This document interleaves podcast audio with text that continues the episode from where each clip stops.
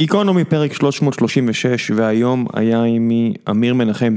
היה יופי של פרק שמתחבר לי לקלישה שאני מאוד אוהב לחזור עליה, שהשראה זה כמו מקלחת, אם אתם לא עושים את זה תדיר זה די חסר טעם, אז אני שמח שיש לי את הזכות לשבת עם אה, חבר'ה כמו אמיר, שמעוררי השראה בצורה הזו, אני מקווה שגם לכם יהיה מעניין לשמוע. אמיר היה אה, קצין בשייטת, היה ספורטאי מצטיין. והחליט אה, להפסיק את הקריירה הצבאית שלו לטובת משימה שלדעתו חשובה יותר משירות ביחידה המובחרת שהיא השייטת, וזה הגנה על הערכים והעתיד הערכי של מדינת ישראל. אז אמיר לקח על עצמו להרים את חמש אצבעות, זה מושג שמגיע מעולם השייטת וקצת הרחבנו עליו. אה, החברה הזו, שהיא כוללת גם עמותה, עובדת עם בני נוער אה, דרך חינוך גופני, לא ספורט, חינוך גופני, כדי אה, לשפר את החיים של החבר'ה האלה, כדי, לש... כדי לחנך למצוינות ספורטיבית, כדי לחנך לערכים של חינוך גופני. אז דיברנו על החשיבות של חינוך גופני בחייהם של נערים, על הדרך שבה זה יכול להטיב עם מדינת ישראל, על החוסר של זה בתרבות שלנו ולמה זה משנה, דיברנו על השייטת, דיברנו על החיים של אמיר ב... בירושלים. אה, על. בעצם הצורה שבה גידלו אותו. בקיצור היה יופי של פרק וממש ממש נהניתי להקליט אותו. ולפני שנגיע לפרק עצמו אני רוצה לספר לכם על The Brain Embassy, שזו חברת אה, חללי עבודה שנמצאת בתל אביב ובעוד מספר מוקדים בעולם, אבל מה שמעניין אותי לספר לכם זה על האתר שלהם בתל אביב, שבימים אלו אה, מציע לכם אפשרות להיכנס ולשלם רק חצי מהמחיר לחודשיים כדי להכיר את המשרדים שלהם, שאותם אני זכיתי להכיר כשהם הזמינו אותי לבוא ולראות. כפי שאתם יודעים, אני לא נותן אה, לכל נותן חסות לקחת חלק בגיקונומי, אני בודק בעצמי אה, כמה שאני יכול את כל השותפים העסקיים שלנו, והחבר'ה של The Brain Embassy לקחו אותי לסיבוב. במגדלים שמה, שבעצם אה, מאכלסים את המשרדים אה, הספציפיים האלו.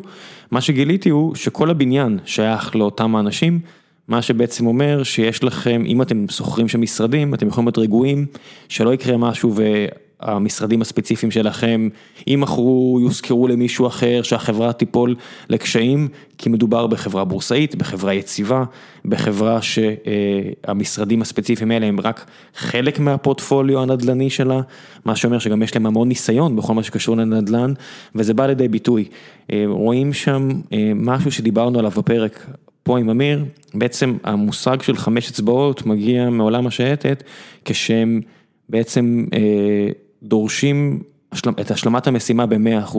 תניח, אם אמרו לך להגיע לאנשהו, תניח את כל חמשת האצבעות שלך על המטרה, כדי לסמל שלא הגעת קרוב, אלא נגעת במלוא היעד שלך על המטרה, וזה בעצם גם מה שרואים ב-The Brain Embassy, כשכל פרט מהריהוט, שהוא מעולה, וזה לא ריהוט שנקנה באיקאה, בלי לפגוע או לזלזל באיקאה, אבל מדובר בסחורה טיפה יותר טובה, כל כיסא שאתם יושבים עליו, רואים שמדובר בכיסא רציני, השולחנות זה לא שולחנות מעץ דיקט כזה, אלא באמת ריהוט שכיף לשבת לידו וכיף לשבת עליו, והמטבח מאובזר ונוח, ויש שם אפילו מיקרוגלים וכל מיני, כל מה שאתה צריך כדי להרגיש אה, בבית רחוק מהבית, למקרה וצריך לתת שעות ארוכות, אז לפעמים נוח כל הדברים הקטנים האלו, ובתקופה כזו שעל כל עובד אה, מוכשר צריך להילחם.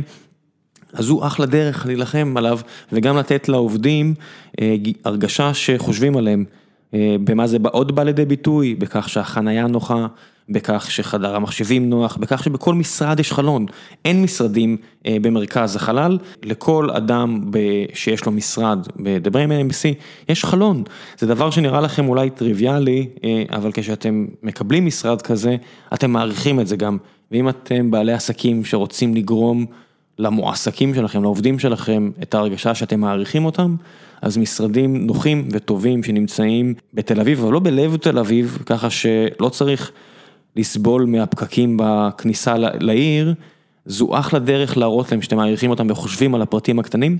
אני אשאיר לכם לינק, כנסו, תסתכלו, אם שואלים אתכם מאיפה הגעתם, אז תגידו שהגעתם דרך גיקונומי, כי זה גם יעזור לי אישית.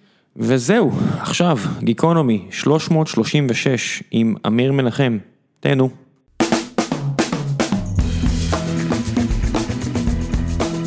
גיקונומי פרק 336, והבוקר נמצא עימי אמיר מנחם, מה העניינים? מעולה מעולה, בוקר טוב, כיף להיות פה. כיף שאתה פה, תמיד כזה, אמיר עם א' או עם עין זה... שואלים הרבה. כן, איך, אתה יודע, אתה אומר, איך, איך אני, איך אני, זה, זה עדיין A-M-I-R? כן, לגמרי. זה סתם, אה, זה מה שחשוב. כן, ישראלים, אה, לא, בסוף זה הדרך שאתה הוגה את זה. איך תסביר את העין ואת האלף ל... הוגה את זה כאמיר. כאמיר, בדיוק. תגיד לי, כן. איך קרה, גם דיברתי איתך שעכשיו לפני ככה המיקרופון, אה, שתפקידך כלוחם בחרת לא רק לסיים בסדיר מוקדם מהצפוי יחס למישהו שעם פוטנציאל קריירה צבאית, אלא גם במילואים, אתה מעביר בעיקר הרצאות, עובד על העניין של הערכים. איך עשית את המעבר הזה? אני חושב שכבר אה, תוך כדי הצבא, אה, התחלתי לחשוב הרבה עם עצמי מה, מה קורה בפרק הבא. במיוחד באיזשהו שלב שדיברו איתי להמשיך קדימה, אה, להמשיך בציר הליבה של היחידה בפיקוד. הייתי בתקופה כמפקד צוות. ומשהו פנימי, כנראה הרבה מהחינוך שקיבלתי בבית, מה שגדלתי עליו, ובטח נדבר על זה בפרק הזה, אה, אמר לי לצאת החוצה ולנסות לגעת בעולמות דומים, אבל אה, מזוויות קצת אחרות, ולנסות להשפיע בצורה רחבה יותר. לא היה לך את המחשבה, אתה יודע, שאתה בתוך יחידה כמו השייטת או יחידות מיוחדות אחרות, הצד הערכי, המנטלי הקשוח הוא מאוד קל לזיהוי, אתה יודע, אתה מגיע לעבוד עם היחידה, אתה רואה, אוקיי, זה לא גדוד. ולא עבר לך בראש, אה, אולי אני אקח את הערכים האלה ואחנך בתוך הצבא, אתה יודע, רוב הצבא זה לא השייטת, מהרבה בחינות. ואתה רואה חבר'ה למשל כמו יוני נתניהו, אם אתה קורא את מכתבי יוני, כן. אתה רואה שהחלק היותר משמעותי זה שהוא, מבחינתו לפחות איך שהוא מתאר את זה ערכית, זה שהוא הוביל חבר'ה מיחידות לוחמות שלא זכו לפריבילגיה, ואני באמת מתייחס לזה כאל פריבילגיה, של, אה, של החינוך של יחידה מיוחדת. זאת אומרת, זה עבר לך גם בראש, האפשרות הזו? לגמרי, בגלל זה הדילמה הזאת הייתה כל כך קשה, הייתה לי משהו כמו חצי שנה מאוד אה, קשה עם עצמי בגיל צעיר, שעוד אין לך מספיק כלים גם לקחת לדעתי החלטות אה, כל כך מורכבות. מצד אחד, מאוד מאוד אהבתי את היחידה הזאת, את השירות הזה, את התפקיד של הפיקוד, אבל גם כל הזמן ישב לי בראש שמטרת העל, שמה שנקרא לשמה התכנסנו, זה לנצח בקרב. ואני בסופו של דבר בונה אנשים, הייתי מפקד צוות מסלול, תפקיד מאוד משמעותי בחיים. בסוף אתה בונה אותם למשהו מאוד ספציפי. וכשזה ישב מול הצד השני של מה אני באמת רוצה לעשות כשאני אהיה גדול נקרא לזה, אז חשבתי בסופו של דבר שיותר מעניין אותי הזווית הבאמת חינוכית, ה... תיקח את זה לכל מקום שאתה רוצה, לא למשהו ספציפי, לא לאיזה מטרת על מסוימת, ושם כנראה זה הוכרע מבחינתי. כן, אני- אני אוהב את המחשבה הזו, כי אצלנו הרבה פעמים אה, בחברה, בשיחות שלי עם גיל הירש, אחד השותפים פה, אז הרבה פעמים יש את המילה הזאת ניצחון. זאת אומרת, דבר ראשון, תגדיר מה זה תמונת ניצחון, כן. ואז מה הדבר הכי חשוב שאתה יכול לעשות כדי להגיע לשם. ואם כרגע האתגרים הביטחוניים הם מאוד חשובים, אבל אולי פחות חשובים מבעיות אחרות שיש בחברה הישראלית, אז ההחלטה שלך אפילו החלטה קלה. זאת אומרת, היא אולי לא קלה ברגע שאתה צריך לעבור את הרוביקון, אבל ההחלטה, ה- ה- הסט שיקולים הוא יחסית ברור. כי לחלוטין. באמת נראה לי שמבחינת אתגרים מול מדינת ישראל, הביטחוני הוא תמיד משמעותי, אבל לא עד כדי ככה משמעותי כמו מה שאנחנו רואים בחברה הישראלית היום. לגמרי, ולא הרבה לדעתי מבינים עד כמה. אה, אני חושב שזה אחד הדברים שהניעו אותי, ואם לא הייתי גדל בתוך בית של שני מורים לחינוך גופני, אבא שלי הוא גם מאמן כושר בכיר, אבל הוא קודם כל מגדיר את עצמו כמורה לחינוך גופני, שלא תעז להגיד מורה לספורט, מורה לחינוך גופני, לא יודע אם הייתי מבין את המשמעות. לא יודע אם הייתי מבין כמה האתגרים החינוכיים, הם בטוח לא פחות גדולים מהאתגרים הביטחוניים במדינה שלנו. כן, זה- מסוג הדברים שמטריפים אותי, שבארץ אין כבוד לחינוך גופני וספורט, ומתייחסים על זה בתור, אה, למרות שזה הולך ומשתפר, אתה יודע, תמיד שאני אני ביום שבת בבוקר ואתה רואה את כמות האנשים שרצים כן. אה, על הטלב, ואתה רואה אנשים, אה, יש כאלה שקשה להם, אתה רואה את החבר'ה שהם נושאים עליהם את המשקל העודף, אבל הם לא מוותרים, ונלחמים, ויוצאים לרוץ, יוצאים ללכת, עושים קייקים, אתה רואה עכשיו הרבה ספורט מים, לחלוטין. וזה זה נראה כאילו זה הולך ועולה, אבל לא מספיק. לא מספיק, זה גם קצת מרמה. הספורט העממי הוא מתפתח והתרבות הזאת היא מתעצמת בארץ, די באזורים של מרכז הארץ בעיקר, וזה גם משהו שקורה אחרי גילאי 35-40. הסיפור הזה של חינוך גופני, חינוך דרך הגוף הוא רחוק מלהיות משהו רציני במדינה שלנו, אנחנו די עולם שלישי בסיפור הזה, אבל אנחנו רק 72 שנה קיימים, אז אה, גם על זה נדבר. לא, הרבה פעמים אמא שלי שהיא היא- היא רופאת ילדים כבר, לא יודע, 35 שנה פה בארץ או 40 שנה, היא אומרת שאתה יודע, ילדים שמגיעים אליה, הולכים ממש שמינים, זאת אומרת אין לה, זה, זה די אנקדוטיאלי, לא, זה לא שהיא היא עוברת במספרים, והיא אומרת מדור לדור, היא כוללת שהתחלואה, לא תחלואה, זה לא תחלואה, אבל הם סובלים יותר מסכרת, אה, נושאים יותר משקל, ואתה אומר, הדבר הזה הוא הרבה מעבר לאסתטי, אתה יודע, כולם מתמקדים בפט שיימינג וכל המילים האלה של, שיש להם ערך, ברור שיש להם ערך, אבל אני אומר, בסוף, אנחנו די מכונות, אתה יודע, מכונות עם נשמה, אבל עדיין מכונות. אם אתה נושא 15 קילו מיותרים עליך, זה כמו שאתה יודע, שאתה רצת מספיק במים עם משקל עליך, זה הרבה יותר קשה. וכשכל הזמן יש לך קושי להסתובב בעולם, אתה ישן פחות טוב, פחות כיף לך לנוע ממקום למקום. המחיר הנפשי שהדבר הזה קולט של אין אה, חינוך גוף לפעילות ספורטיבית, יש לו מחיר שקשה לשים עליו את האצבע, אבל הוא בטוח קיים. לגמרי. אמ, אני אוהב הרבה פעמים להקביל את זה למכונית, פלאפון, אנחנו בעולם מאוד טכנולוגי. אותם אנחנו יודעים שאנחנו יכולים להחליף לאורך החיים. אבל תחשוב שהיה לנו רכב אחד כל החיים. היה לנו פלאפון אחד, היה לנו מחשב אחד שהולך איתנו ולעולם אנחנו לא יכולים להחליף איתו. אותו. תחשוב כמה היינו מתייחסים אליו אחרת. הגוף הזה, יש לנו אחד. כן. השכל הזה, יש לנו אחד. ואנחנו לא מחונכים באיך לטפל בגוף הזה, באיך לטפל בשכל הזה. דיברת פה על העניין של ההשמנה, הצד הפיזיולוגי בסיפור. אתה גם מבין את ההשפעות הפסיכולוגיות, ההשפעות המנטליות שיש בקרב ילדים. ואנחנו במשבר מאוד גדול עולמי, כל העולם המערבי נמצא פה במשבר. וזה לחלוטין אה, משהו שבטח נדבר עליו הרבה היום. עזוב, עם עם ההוזלה של אה, סוכר מעובד ואוכל בשקיות, זה גם לא רק בעיה של העולם המערבי, אתה אתה, אתה יכול להסתובב היום בעולם השלישי, ואתה תראה אנשים שמנים. זאת אומרת, פעם זה היה פריבילגיה של אנשים עשירים להיות שמן. כי זה אומר שאתה לא עובד בשדה ואתה כן. אוכל מלא אוכל. זה מעיד על המעמד שלך. כן, והיום אתה רואה אנשים בכל העולם, אתה אומר, אוקיי, משהו פה ממש בעייתי, וזה לא, כן. לא בעיה אמיתית, בעיה אמיתית זה בעיה, אתה יודע, שמבחינתי, שהיא קשה ברמה האינדיבידואלית וברמה החברתית. פה זה הרבה עניין של תפיסה מודעת, זאת אומרת, יש באמת מקומות שאוכל בריא הוא לא מושג, זאת אומרת, שקשה להגיע לירקות טריים וכו' וכו', אולי נכון. פחות בארץ, יותר בארצות הברית וכאלה, אה, וגם בארץ יש מקומות כאלה. אבל חינוך גופני, זה זה כל אחד ואחד מאיתנו יכול לדאוג לזה. זאת אומרת, אין להם כן את הפצוע וכל מיני כאלה, ברור, אבל איך עושים את זה? איך אתה מחנך ילד ל, ל, ל, לחיים בריאים יותר ספורטיבית? זה מתחיל ממש בבסיס של הפירמידה. אנחנו מדינה שלצערי, גם בסיפור של ספורט, בטוח בסיפור של אה, חינוך גופני, אנחנו אוהבים ללכת קודם כל לקצה של הפירמידה ולא לבסיס. וזה צריך להתחיל אה, ממש דרך חינוך להורים קודם כל. איך ההורים מכניסים את הגן הזה של פעילות גופנית, של אורח חיים בריא, ספורטיבי, בתוך הבית כבר, ולאט לאט בגנים.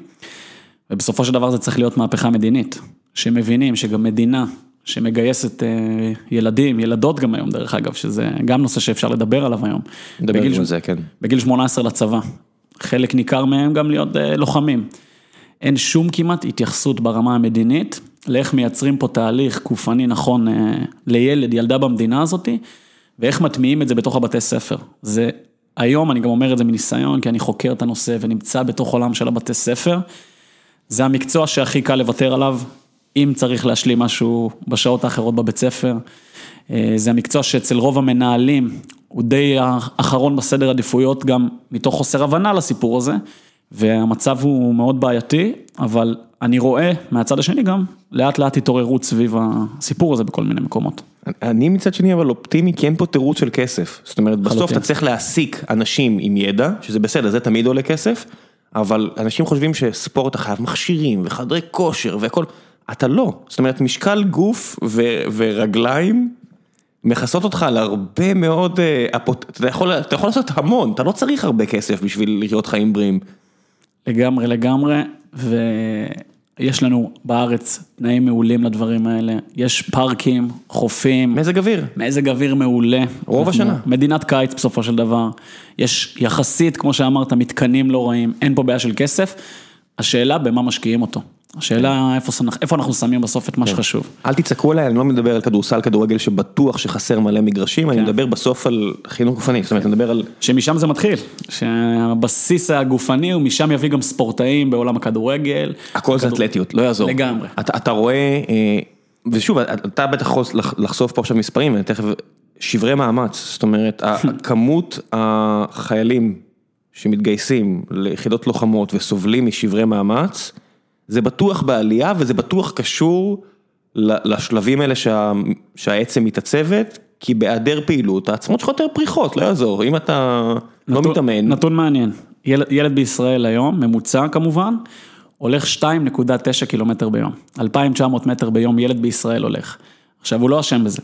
זה העולם שאנחנו חיים בתוכו. העולם הטכנולוגי, ילד בישראל יושב שמונה שעות ביום בממוצע מול מסך. זה מעט, דרך אגב, למי שעכשיו אומר, וואו, 2.9 כן. קילומטר, לא, זה זה ממש מעט מעט. מאוד, זה מעט מאוד. מעט. אם נסתכל דור אחורה, בסדר, אני חושב ילידי שנות ה-90 אפשר להגיד, דור ה- דור ה-Y, זה אנשים שהיו הולכים שישה קילומטר ביום בממוצע. אם נסתכל על הדור שמאחוריו, שמונה, תשעה, הדור שהקים פה את המדינה, מעל עשרה קילומטר ביום. הגוף חלש, העצמות חלשות, ולא נותנים מענה. אנחנו מדינה שקורים תהליכים מסוימים, השאלה אם אנחנו לומדים להתאים את עצמנו. השאלה אם המערכת, מערכת החינוך, לומדת להתאים את הפער הזה שבסוף קורה בגלל שהעולם מתקדם לכיוונים מסוימים. כן, ותחשוב בד בד בבד מה קורה, כמות הנערים, הרבה פעמים בנים, שאתה אומר, הוא מתפרע בכיתה, אז בוא נפוצץ אותו בריטלין, או בכל מיני דברים כאלה, כי אחרת לא. אה, אולי הוא לא זז מספיק. לא אולי, כן, אול- אולי, אולי הוא צריך לשרוף אנרגיה. הוא לא זז מספיק ואנחנו לא מספיק מעניינים אותו, ואז אנחנו דוחפים לו דברים שרק מעמיקים את הבעיות שהחיים שלו מתחילות להצטבר לו בחיים. שוב, אני לא מדבר על האחוז הבטוח יותר קטן ממה שאנשים מקבלים ריטלין במדינה שבאמת צריכים את זה כתרופה פסיכיאטרית. אני לא. אני לא ניורולוג ובטוח יש מקרים שצריך, כמו שאני גם בטוח שבהרבה מקרים אחרים לא צריך. ויש דברים ששינה טובה ופעילות ספורטיבית ותזונה מאוזנת אה, יפתרו, או יסייעו לפחות. אין ספק. וזה מתחיל במודעות, שמאוד מאוד חסרה, בסוף במקבלי ההחלטות. איך מכניסים את הדבר הזה כמשהו שהוא הרבה יותר משמעותי ועמוק בתוך המערכת, וככה זה ישפיע על כל מה שקורה מסביב. איך זה לגדול עם, אה, תספר לי קצת עליך, איך זה לגדול עם אבא שהוא מורה לחינוך גופני, לא לספורט, זאת אומרת, ממש לחינוך. כן. איך, איך, נראה, איך נראית ילדות ובגיל נוער? אבא שלי אה, היה מאמן כושר של הפועל ירושלים, בשנים הגדולות, אדי גורדון, שנות ה-90. אני, אני מילדי מאחורי הסלים האלה. אבל הוא אף פעם אה, לא היה אומר, אני מאמן כושר הפועל ירושלים, אני מאמן כושר נבחרת ישראל. תמיד זה קודם כל אני, יורם מנחם, המורה לחינוך גופני בבית ספר בויר. ואימא שלי, קארין מנחם, מורה לחינוך גופני בבית ספר אגרון ביסודי שם. ואתה יודע, זה היה פשוט בצורה טבעית, שכילד אתה, קוראים לך דברים שאתה לא מבין אותם, הם פוגשים אותך בשלב יותר אה, מתקדם של החיים. אני זוכר שמשעה 6 עד 9 בערב, אין עם אבא. הם בבית, אבל הם לא איתנו הילדים. הם בטלפון, הם בשיחות ביניהם, שזה תמיד קשור לילדים. שיחה עם איזשהו הורה, על איך הוא עוזר לילד שלו לרדת כמה קילו. איך הוא עוזר לילד לעבור איזה משבר שהוא נמצא בו. אז אתה גדל בבית שאתה רואה שההורים שלך משתמשים בספורט, בנושא הפיזי, ככלי אדיר אה, לשנות יום יום, אה, אתה יודע, דברים קטנים בחיים של אנשים. באיזה גיל, אה, לא יודע אם דוחפים אותך, אבל באיזה גיל אתה, אתה מתחיל להתחרות במשהו, או להתחיל להתעסק באיזושהי פעילות ספורטיבית בצורה אה, מאורגנת? אני מתחיל בכיתה א', כדורסל. אפשר להגדיר אותי כילד שהיה בכל פרקט בערך במדינת ישראל, נצמד לאבא, אבא לוקח אותי, אמיר תראה. ואחד הדברים גם שאני זוכר שהוא היה אומר לי, אמיר, מה שחשוב זה לא השחקן הזה שאתה רואה בטלוויזיה שקולע, זה שאתה תגיד שלום קודם כל למנהל אולם שאתה נכנס, זה דרך אגב החינוך שגדלתי עליו, ותוך כדי הכדורסל התחלתי להתחרות בריצות, לא כי כל כך רציתי, כי אבא שלי אמר לי, אמיר, אליפות ירושלים, אתה כיתה ד', אתה מתחרה עם ה' ו', אם אתה לא חוזר עם מדליה, אתה לא חוזר הביתה. אפשר להסכים ולא להסכים על הדרך החינוכית, והתחלתי כבר מגיל צעיר לשחק כדורסל, להתחרות בריצות למרחקים? בינוניים, 600, 800, 1500, 2000, עד 5000 אפשר להגיד. אז הייתי בתוך שני העולמות האלה של כדורסל, מקצועני עד שהתגייסתי, וריצות למרחקים בינוניים, שגם דרך זה יצאתי ספורטאי פעיל, אבל בחרתי... לא ניצלת. לא לא- לא ניצלתי, גם הפוטנציאל לא היה... בסדר, אבל אהבת את זה? לא, אבל אהבתי את מה שזה עד נתן כמה לי. שנאת את זה? תשמע, אני יכול להגיד לך שזה אחד הדברים שבדיעבד הכי בנו אותי, אה, לדברים שאני חווה היום כבן אדם, נדבר קצת על חוסן, יכולות מנטליות. יום, יומיים לפני תחרות, בתור ילד אליפות ירושלים, אליפות ישראל שהתחילה לבוא, אני לא הייתי, לא הייתי יכול לאכול, הייתי בלחצים מטורפים. אבא שלי גם לא היה חוסך ממני את מה הוא מצפה שהולך לקרות ואיזה תוצאה הוא רוצה. ו... תוצאה ברמת הזמן, ברמת השנייה, לא ברמת התחרות, כי התחרות לא תלויה בך, אבל... לגמרי. כאצן זה אתה צריך להגיע לזמן. כן, ומה התוכנית אימונים עכשיו, שאיך אתה משלב את זה תוך כדי הכדורסל. עכשיו תחשוב בתור ילד, איך אתה לומד על הגוף שלך, על עצמך תהליכים שהם מאוד מורכבים וקשים בשבילך, אבל אה, כשאתה מסתכל על החיים שלך לטווח הרחוק זה מאוד מאוד בונה אותך. כן, זה מצחיק, בארצות הברית המילה היא גריט. המילה שעכשיו מלמדים אה, בכל מקום, בזכות אה, הפלצנים של הוואלי, שאני נמנה, לא הוואלי, אבל אוקיי, השותף שלי כבר כן, אבל אני נמנה על, על אנשים שמאוד מעריכים את המילה הזו. העובדה שבעשייה שעשו לו גלוריפיקציה, 95% מהזמן לא כיף לך. כן. זה ההבדל בין אושר להנאה. אם אתה מחפש הנאה, אתה לא תגיע להישגים גדולים. אם אתה מחפש אושר, קח בחשבון ש-95% מהזמן אתה קם בבוקר, ולא בא לך, מתהפכת לך, כן. מתהפכת לך הבטן ואתה אומר, וואו, לא בא לי על היום הזה, חיים שדורשים, צא. חיים שדורשים. אה, ה grit זה מושג מטורף, הספר של אנג'לה דקוורת', אפשר כן. לדבר עליו הרבה. מדויק, זה חיים שהמילה fun, כיף, גם חלק מהיום הקשיים של בני נוער, לאיזה עולם הם אה, נכנסים היום, כן. כשמדברים איתם המון על ליהנות הזה, שיהיה לך כיף. מי שרוצה לעשות דברים אה, בעלי ערך בחיים, לא כיף כל הזמן. כן, שיהיה לך כיף ו-everybody is a winner, אין, אין מפסידים, אין ואתה אומר, מפסידים בעולם. אבל זה בעייתי מאוד, זאת אומרת, אני, אני מבין את האנשים ששומעים עכשיו את מה שאתה אמרת, ואומרים, איך אפשר לחנך ילד להישגיות כזו, ויש כאלה שזה לא יבוא להם טוב, מקבל את זה. חוץ מהעובדה שבעיניי לפחות, חלק מהעניין של חינוך זה להכין את הבן אדם לעולם האמיתי, ובעולם האמיתי, אם הערכים שאתה מחנך אותם אליו לא תואמים, זאת אומרת, אם יהיה מהפכה קומוניסטית יום אחד וכולנו נהיה שווים, אז מגניב, אז נחנך אחרת, אבל כרגע... אבל כנראה שזה לא הכיוון. אני מקווה לפחות שזה לא הכיוון, ואם אנחנו מדברים על עולם שבו אתה צריך להתמודד עם הרבה מאוד אכזבות ולהתמודד עם ללכת לעשות משהו שלא בהכרח בא לך כי אתה מנסה להגשים איזושהי מטרה, אז העניין הזה של הישגיות אישית, זאת אומרת אל תדרוס אף אחד אחר בדרך, לגמרי.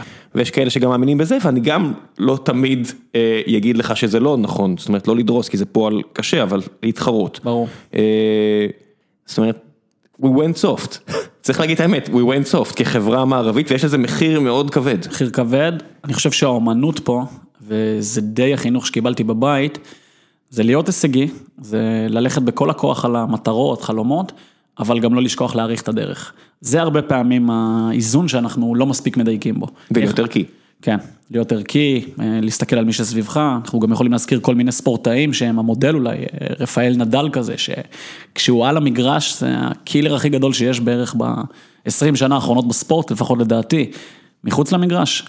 הוא בן אדם אדיב, נעים, מנומס, עושה דברים ערכיים, גם על זה אפשר עוד לדבר, אבל אה, כן, שלושת כוכבי הטניס, זאת אומרת, יש לנו... מדהימים. זאת אומרת, זו תקופה שבה אף פעם לא היה כזו רמה בטניס העולמי, מדהים. ואתה רואה ששלושת החבר'ה בטופ, שלושם, שלושתם מנצ'ים, שלושתם זה. אנשים שאתה אומר, וואו, הייתי שמח להיות חבר של החבר'ה האלה, מעניינים, אה, כיף לראות את איך שהם מתראיינים. ולא על חשבון אה. הרמה הכי גבוהה המקצועית, זאת אומרת, אתה רואה נגיד ב-last dance על מייקל ג'ורדן, כולם אומרים, אין ברירה, אתה חייב להיות חרא כדי להיות מקום ראשון, ואתה רואה למשל בטניס העולמי, שזה לא ככה. לא, שלושה אנשים ששלושתם, אם צריך כנראה הפודיום של השחקני טניס הכי גדולים בעולם, ייתכן, ייתכן ששלושתם זה השלושה החבר'ה שזכינו, היה לנו את הזכות לראות אותם מתחרים ב-20 שנה האחרונות, שזה זה ג'וקוביץ', פ- פדרר ונדל, ושלושתם נחמדים נראה, חבל אדיבים, תורמים כסף, בעד מטרות טובות, זאת אומרת כן, אפשר ללכת, פדרר פה ופדרר שם, בסדר, בני אדם. בני אדם,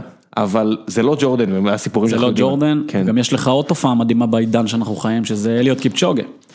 פנומן, ספורטאי שמשאיר חותם שכנראה נזכור לו עוד הרבה מאוד זמן, שמראה אנושיות יוצאת דופן, באורח חיים שלו שם בקניה. הוא מסיים את הריצה שהוא ירד את השעתיים עם נייקי, הדבר הראשון שהוא מדבר, זה על הפייסרים שרצו איתו, ועזרו לו להגשים את החלום. זה כן, לא- למי שלא, כי קפצנו מטניס שזה מספיק פופולרי כדי שאני אניח שמי כן. שלא, שלפחות יחפש, אז קפצת פה אה, לרץ קנייתי שהראשון שירד משעתיים מרתון, אז אמנם היה תנאים שהם לא תנאים רשמיים מה שנקרא, אבל עובדה, הוא ירד מתחת לשעתיים, והפייסרים זה אותם אנשים שעוזרים לו לקבוע את כן. הקצב, שרצים לצידו, אז הם לא יכולים לרוץ לצידו את כל המרחק, אחרת הם היו אלה ששוברים את השיא, אבל הם רצים לצידו מרחקים של קילומטר, שניים, שלושה, ארבעה קילומטר, כדי לעזור לו בעצם גם לעשות חסם רוח וגם, כן. אה, מה שנקרא drafting, וגם לתת לו את ה- את הקצב, אז הוא, הוא, לא, הוא לא מפספס אותם ב- בתהליך הזה, לגמרי, וגם מי שהצטרפו אליו זה הטופ של הטופ העולמי. מן הסתם. שזה מדהים וזה גם מתחבר בדיוק למה שדיברנו קודם. ההישגיות וגם להעריך יחד עם זה את הדרך, את הצד הערכי בסיפור. אז מהבחינה הזאת אני מבין, אתה, אתה, אתה ספורטאי באחת הקבוצות, אחד המועדונים הטובים בארץ בכדורסל, ואתה רץ, ואתה מתגייס לשייטת שזה מקום שבדיוק כזה, זאת אומרת, זה המקום שרצית להתגייס אליו, או שבמקרה נפלת אליו? אני חושב שאיפשהו בכיתה י"א הבנתי שאני לא מספיק טוב אה, להמשיך עם הספורט. אה, גם זה די הכוונה שקיבלתי מהבית. היה לי גם מאמן נוער אה, בשם רוני קאן, דמות שמאוד השפיעה עליי, שאמר לי כבר אז אמיר, אחד כמוך בנוי אה, באופי שלו ליחידות מובחרות, תנסה להגיע למקומות האלה. ופשוט מישהו שנה מעליי בבית ספר, מטרו אסט רעננה, עבר גיבוש לשייטת, עד היום אני דמות ככה זה, כן. ככה זה. כן. אמרתי בוא ננסה. לא היה איזה זיקה לים, מן הסתם, ירושלים. לגמרי. זה לא, זה לא הסיפור הקלאסי. זה לא הסיפור זה לא- הקלאסי. זה לא כדור מים באיזה קיבוץ אה, ש- במעגן משהו. כן, איזה עמק חפר יזרעאל כן. כאלה שזה, הם גדלים. לא. הכרתי אנשים מהשייטת, ככה אמרתי שיש גדנ"ע צלילה, ופשוט אה, עברתי גיבוש, תחילת... איך. היה, זאת אומרת, אתה עושה את הגיבוש כספורטאי, מעניין אותי, אתה יודע, אני, אני, אני, אני זוכר איך זה כאדם מלש"ב שהוא לא ספורטאי, איך זה לחוות את זה כספורטאי, הרי כולם, לא משנה כמה אתה חזק פיזית, המטרה היא לראות איפה נקודת השבירה שלך ואפשר לשבור כל בן אדם בגיבוש, זה לא סיפור גדול, לא לשבור, אבל להביא לקצה, זה המילה שאני מחפש. איך זה כספורטאי לחוות קשיים כאלה? מדהים שאתה שואל את השאלה הזאתי, זה- אני מדבר על זה לא מעט בהרצאות.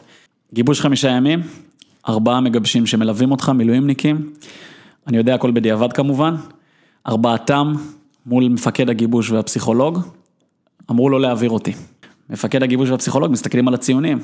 חבר'ה, תשמעו, הבן אדם עם יכולות גבוהות, החברים רשמו עליו בסוציומטרי שהוא מתאים, שהוא טוב. למה? הוא ספורטאי. מה זה ספורטאי?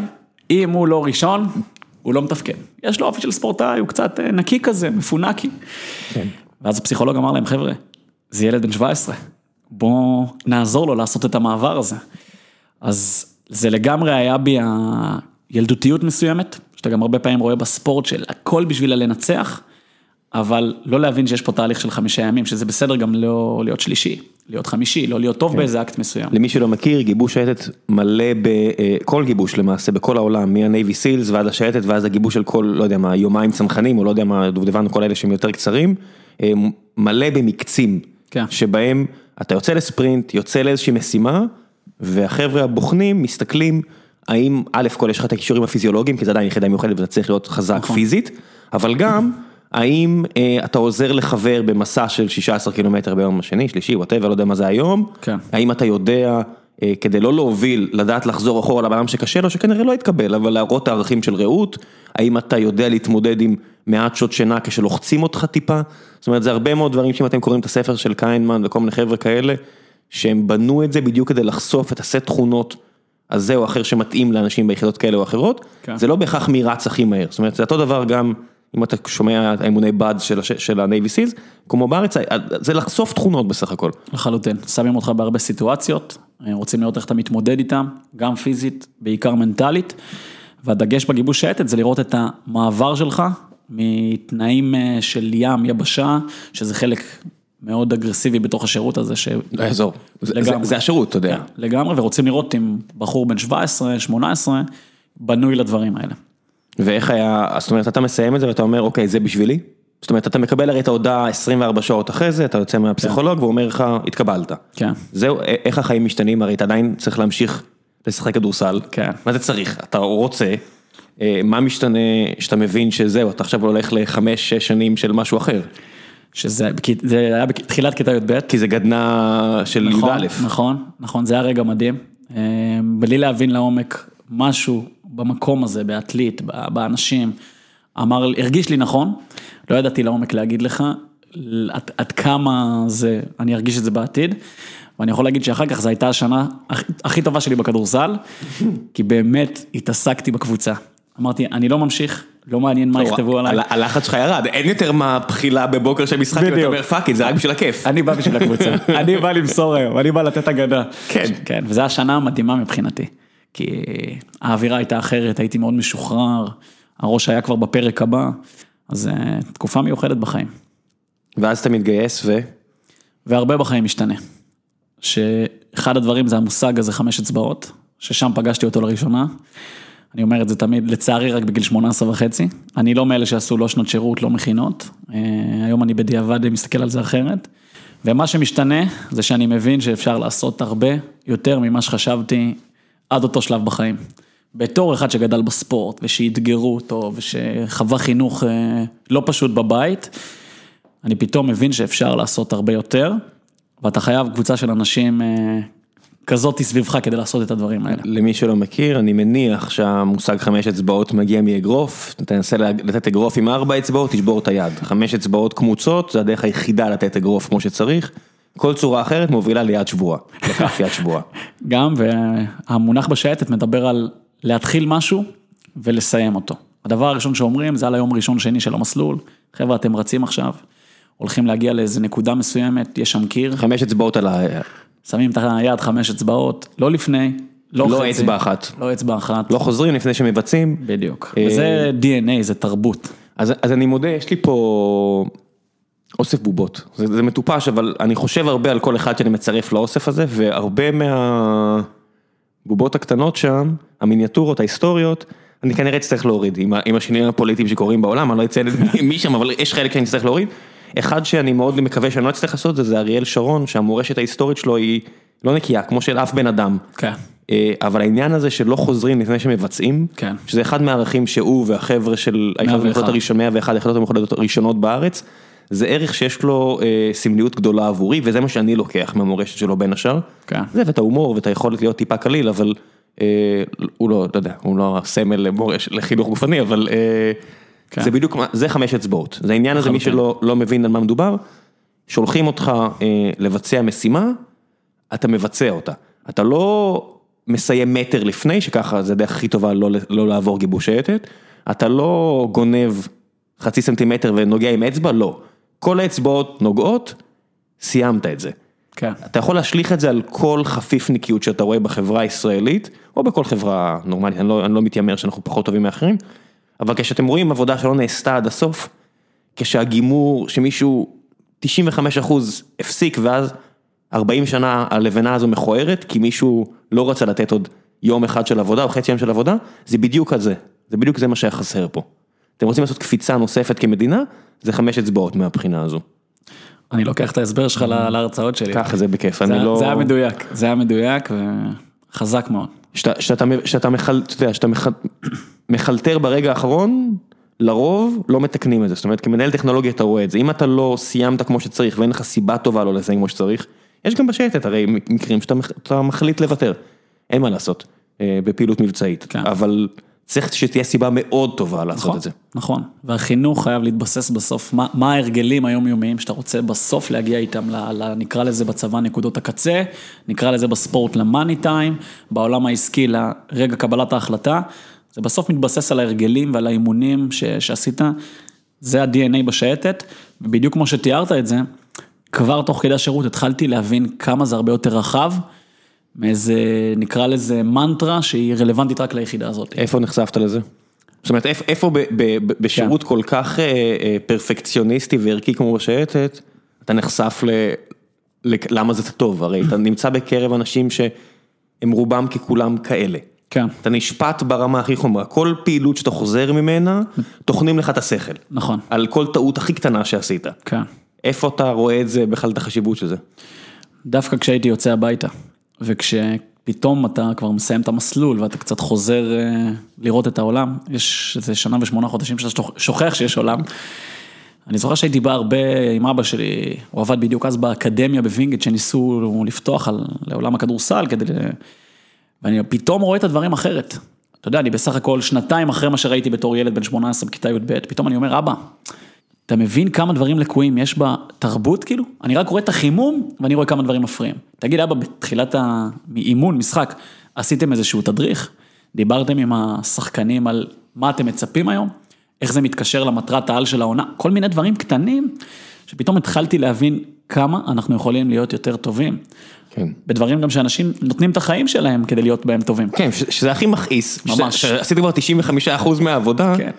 תוסיף אותה את החמש אצבעות. ממש. זה, וגם תמיד יש את העניין הזה שאומרים, אין, שחקני כדורסל בארץ נמוכים מדי, חלשים מדי, אנחנו לא סרבים, אנחנו לא אמריקאים, אין, אין, אין, ואז אתה רואה איזה ילד כמו ים אדר, שלפני, לא יודע מה, 12 שעות אה, מטביע עם יד אחת מעל, מעל הטבעת ומוציא מעידו גור אה, צווחות של אה, טווס מאוהב, ואתה אומר, כן, כי הוא החליט שהוא לא מוותר, אז באמת יש לו את הפריבילגיה לשכור מאמנים ואת כל הדברים האלה, אבל זה עובדתית ה-DNA שלו בסדר, זה רק הראש החזק שלו ושל חבר'ה כמו אבדיה וכאלה, כן. או כספי, ואתה מבין שאין, הכל זה התירוצים. ממש, ממש, וגם אנחנו נורא מהר, אפרופו הדור המדהים הזה שגדל לנו פה, עבדי, היה מדר, אנחנו נורא מהר מתרגשים מהמדליית זהב הזאת. אנחנו צריכים לשאול את עצמנו, כ- אתה יודע, איפה הם יהיו בגיל 27-8. וזה יהיה הבסיס של ההרגלים המנטליים, ההרגלים הפיזיולוגיים שחינכו אותם עוד לפני. עזוב, אני שואל איפה, מה, איך אני מביא עוד ילדים בני 12 עד 14 היום להיות אה, כאלה. בוא נתחיל בזה, עזוב את השניים האלה, מה יהיה איתם, משום מה אני סומך עליהם שהם, ש... שהם ימקסמו את הפוטנציאל כן. שלהם אם יהיה מזל, זאת אומרת לא פציעות וכאלה, זה הרבה מזל. אבל אני רוצה כמה שיותר ילדים בני 12-14, כי אם יהיה לך יותר כאלה, אתה מפיץ מוטיבציה, הרי מה שאתה עושה, אתה מביא 100 ימים בשנה, מעביר הרצאות ברחבי צה"ל, ויש לך את העמותה, ותכף נדבר על כל הדברים, אבל ספורטאים, חלק מה שהם עושים זה מביאים השראה לכולם, הרי שלא סלחו לג'ורדן על זה שהוא לא הפיץ את הבשורה על זכויות אדם וכאלה, נכון. זה כי כולם מסתכלים עליך. כן. יעל ארד מביאה מדליה, ומלא ילדות, ואני מדגיש ילדות ולא ילדים, הולכים לחוגים ספורטיביים, ללמוד ג'ודו ומשנים את החיים שלהם בצורה, אפילו גם אם זה קטנה, כי זה השראה, כן. השראה זה חשוב. וככל שיהיה לנו יותר ספורטאים מצטיינים, כל אחד כזה שמגיע ל-NBA, מגיע לרמות הכי גבוהות, עוד ילד יגיד, טוב, אני אניח את השלט של הפלייסטיישן וילך קצת אה, לקלוע, ואולי יהיה מאלה שמתאהבים בזה ושמונה, עשר שעות ביום מתמסרים לזה, ואז הם יפיצו את הבשורה עוד הלאה. כן. אני דווקא, כשאני מסתכל על זה גם, אתה יודע, ים הדר ועבדיה, זה שני חבר'ה מוכשרים בצורה יוצאת דופן. לא בכל דור אנחנו נראה כאלה. אני דווקא יותר אוהב את הסיפורים של גיל בני, אם אתה מכיר את הילד המדהים הזה שמתפתח, או חואקין שוחמן, שלהם יש את הכישרון הכי חשוב, שהוא גם החמש אצבעות. הכישרון הזה שקוראים לו אופי. שהם מגיל צעיר עבדו מאוד קשה, עם נתונים ויכולות יחסית רגילים, והגיעו למימוש אדיר של הפוטנציאל שלהם ביחס אה, ליכולות שלהם. ועליהם אני חושב שילדים צריכים לגדול. כשאתה גם שואל אותי הרבה פעמים על מה שאנחנו עושים, תכף נגיע לזה, כשאני מביא ספורטאי להרצאה, אני מביא את גל מקל, אני מביא את חואקין שוחמן. אז, אז לא רציתי לציין שמות, אבל אה, ידיד הפוד, אה, מר דן שמיר, אה, גם ירושלמי אהוב, שאם הייתי יכול, אם הוא היה מרשה. אז אם היה מרשה לי הייתי מספר את הסיפור שלו פה ולמה זה מקור להשראה, והוא לא בטוח שהוא מרשה לי אז אני לא אעשה את זה. אה, כל מה שיצא לי, היה לי זכות לשבת לראות איתו משחק כדורסל, אז אתה מדבר איתו, הוא מספר לי על מקל. כן. כלומר, יש הרבה ספורטאים כישרון, אבל מקל היה מגיע לפני כולם, הולך אחרי כולם. את התרגילים האלה של לרדת עם הברכיים ולהצמיד את הגב לקיר, הוא היה עושה ודואג להישאר אחרון, הוא מקסם את הפוטנציאל שלו. חבל על הזמן. אופי, אופי, אופי. אה, אבא שלי עבד איתו הרבה שנים, מספר עליו הרבה מאוד סיפורים על הבאמת יכולת המנטלית, על הנחישות הזאת שלו. על זה שהוא, אתה יודע, יכול לשבת בספסל טורניר שלם, והוא שחקן עם מעמד גבוה, וברגע הזה שהוא מקבל את הדקה האחת, הוא נכנס למגרש, כאילו זה פעם ראשונה ואחרונה בחיים שהוא משחק כדורסל. זה מבחינתי המודלים. והבעיה שאתה יודע, יותר מדי אוהדי ספורט אומרים, אה, אבל הוא לא היה טוב, מספיק טוב במכבי, אה, מה הוא עושה בזה? אוי, איזה קשקשנים אתם, כאילו, תחשבו על, על הבחור הזה שהוא לא הכי? גבוה, כן. הוא מתפרנס בצורה כל כך יפה מכדורסל, משחק בקבוצות ברמה הכי גבוהה באירופה, הגיע במרחק פסע מהחלום ב-NBA. היה שם, נגע. עם כל הכבוד, סתמו את הפה, די, תדעו גם להבין כמה... בואו גם ניתן כבוד, בואו ניתן כבוד תתחיל לחבר'ה. בכבוד, כן. תתחיל בכבוד ואז ממש. נמשיך הלאה.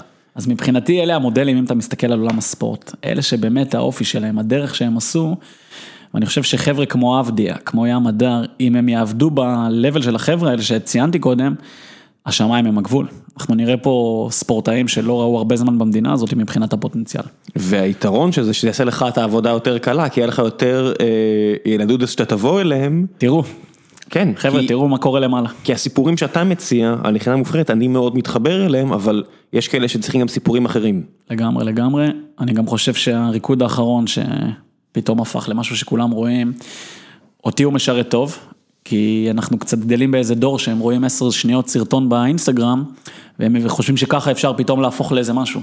ופתאום הם רואים מה הספורטאי הכי גדול בהיסטוריה, כן. עשה בשביל להיות משהו. מה, מה הוא עשה כדי להיות הספורטאי הכי גדול בהיסטוריה? מטורף, מטורף. כן. כמה עבודה, איזה אורח חיים זה דורש. אין לנו גם מספיק חיבורים בין אה, ספורטאים לעולם העסקי, זאת אומרת בארצות הברית אתה מסתכל על מי שהיה מועמד להיות אה, מנכ"ל אה, דיסני והיום הוא המנכ"ל האמריקאי של טיק טוק, היה שחקן פוטבול.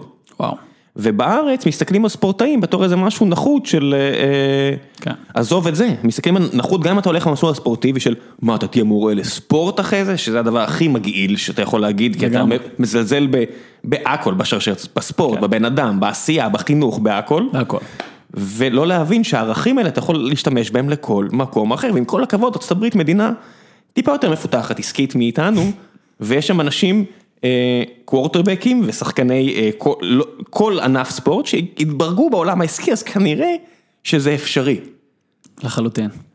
ושוב, אני מקווה שבתהליך נכון, זה גם יגיע לכאן. אז איך עושים את זה? איך מחנכים אה, ילדים שהגיעו מרקע לא כמו שלך, והשאיפות שלהם שונות משלך, ומגיל 5 עד 12 הם לא בנו את הגוף נכון, איך משנים כיוון עוד כשעדיין אפשר לשנות כיוון? זאת אומרת, עם איזה גיל אתה בכלל מתחיל? אנחנו מתחילים עם גילי 12, אני תכף אולי אספר טיפה באמת מה הארגון הזה שקוראים לו חמש אצבעות עושה, אבל אנחנו מתחילים עם גילי 12, והדבר המרכזי, שזה גם האתגר, לגרום לילד קודם כל, להתחיל בלהבין מה הוא עושה. שנייה, אתם ישר רצים לתוצאות ולמה זה ייתן לי, ואיך אני אגיע או לצבא, או יקלע את הסל, או יעביר את הרשת. שנייה, מה אתה עושה? מה זה נותן לך?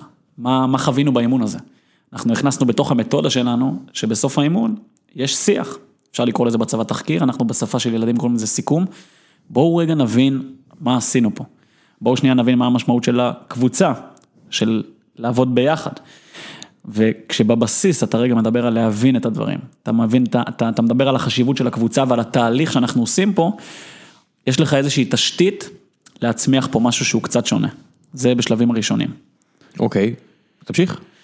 שלב, שלב ראשוני בסדר. שלב ראשוני. איך אתה, כל מיני דברים שקופצים לי לראש, בגלל שבתוך עמי אני חי, זה לא מתאים לכולם. ואני בטוח שיש הרבה אנשים שששים לפרוש מהר מדי, ואני רואה למשל יש אה, בחור שברח לי השם שלו, אבל הוא מאמן כדורגל לילדים קטנים. והוא אומר איך ביום של גשם כל האמהות אמרו, אה, אני לא מביאה אותו, יש גשם. אז הוא אמר לה, אם את לא מביאה אותו, את יכולה גם לא להביא אותו ביום שיש שמש מבחינתי. כי, כי הוא צריך להגיע, והוא יהיה בסדר, הוא לא יהיה חולה, אל תדאגי. כן. ואם יהיה חולה אז יהיה חולה, אין מה לעשות, זה, זה אימון. כן. איך אתה מנחיל את הערכים האלה להורים שהם קצת ריקים בעצמם?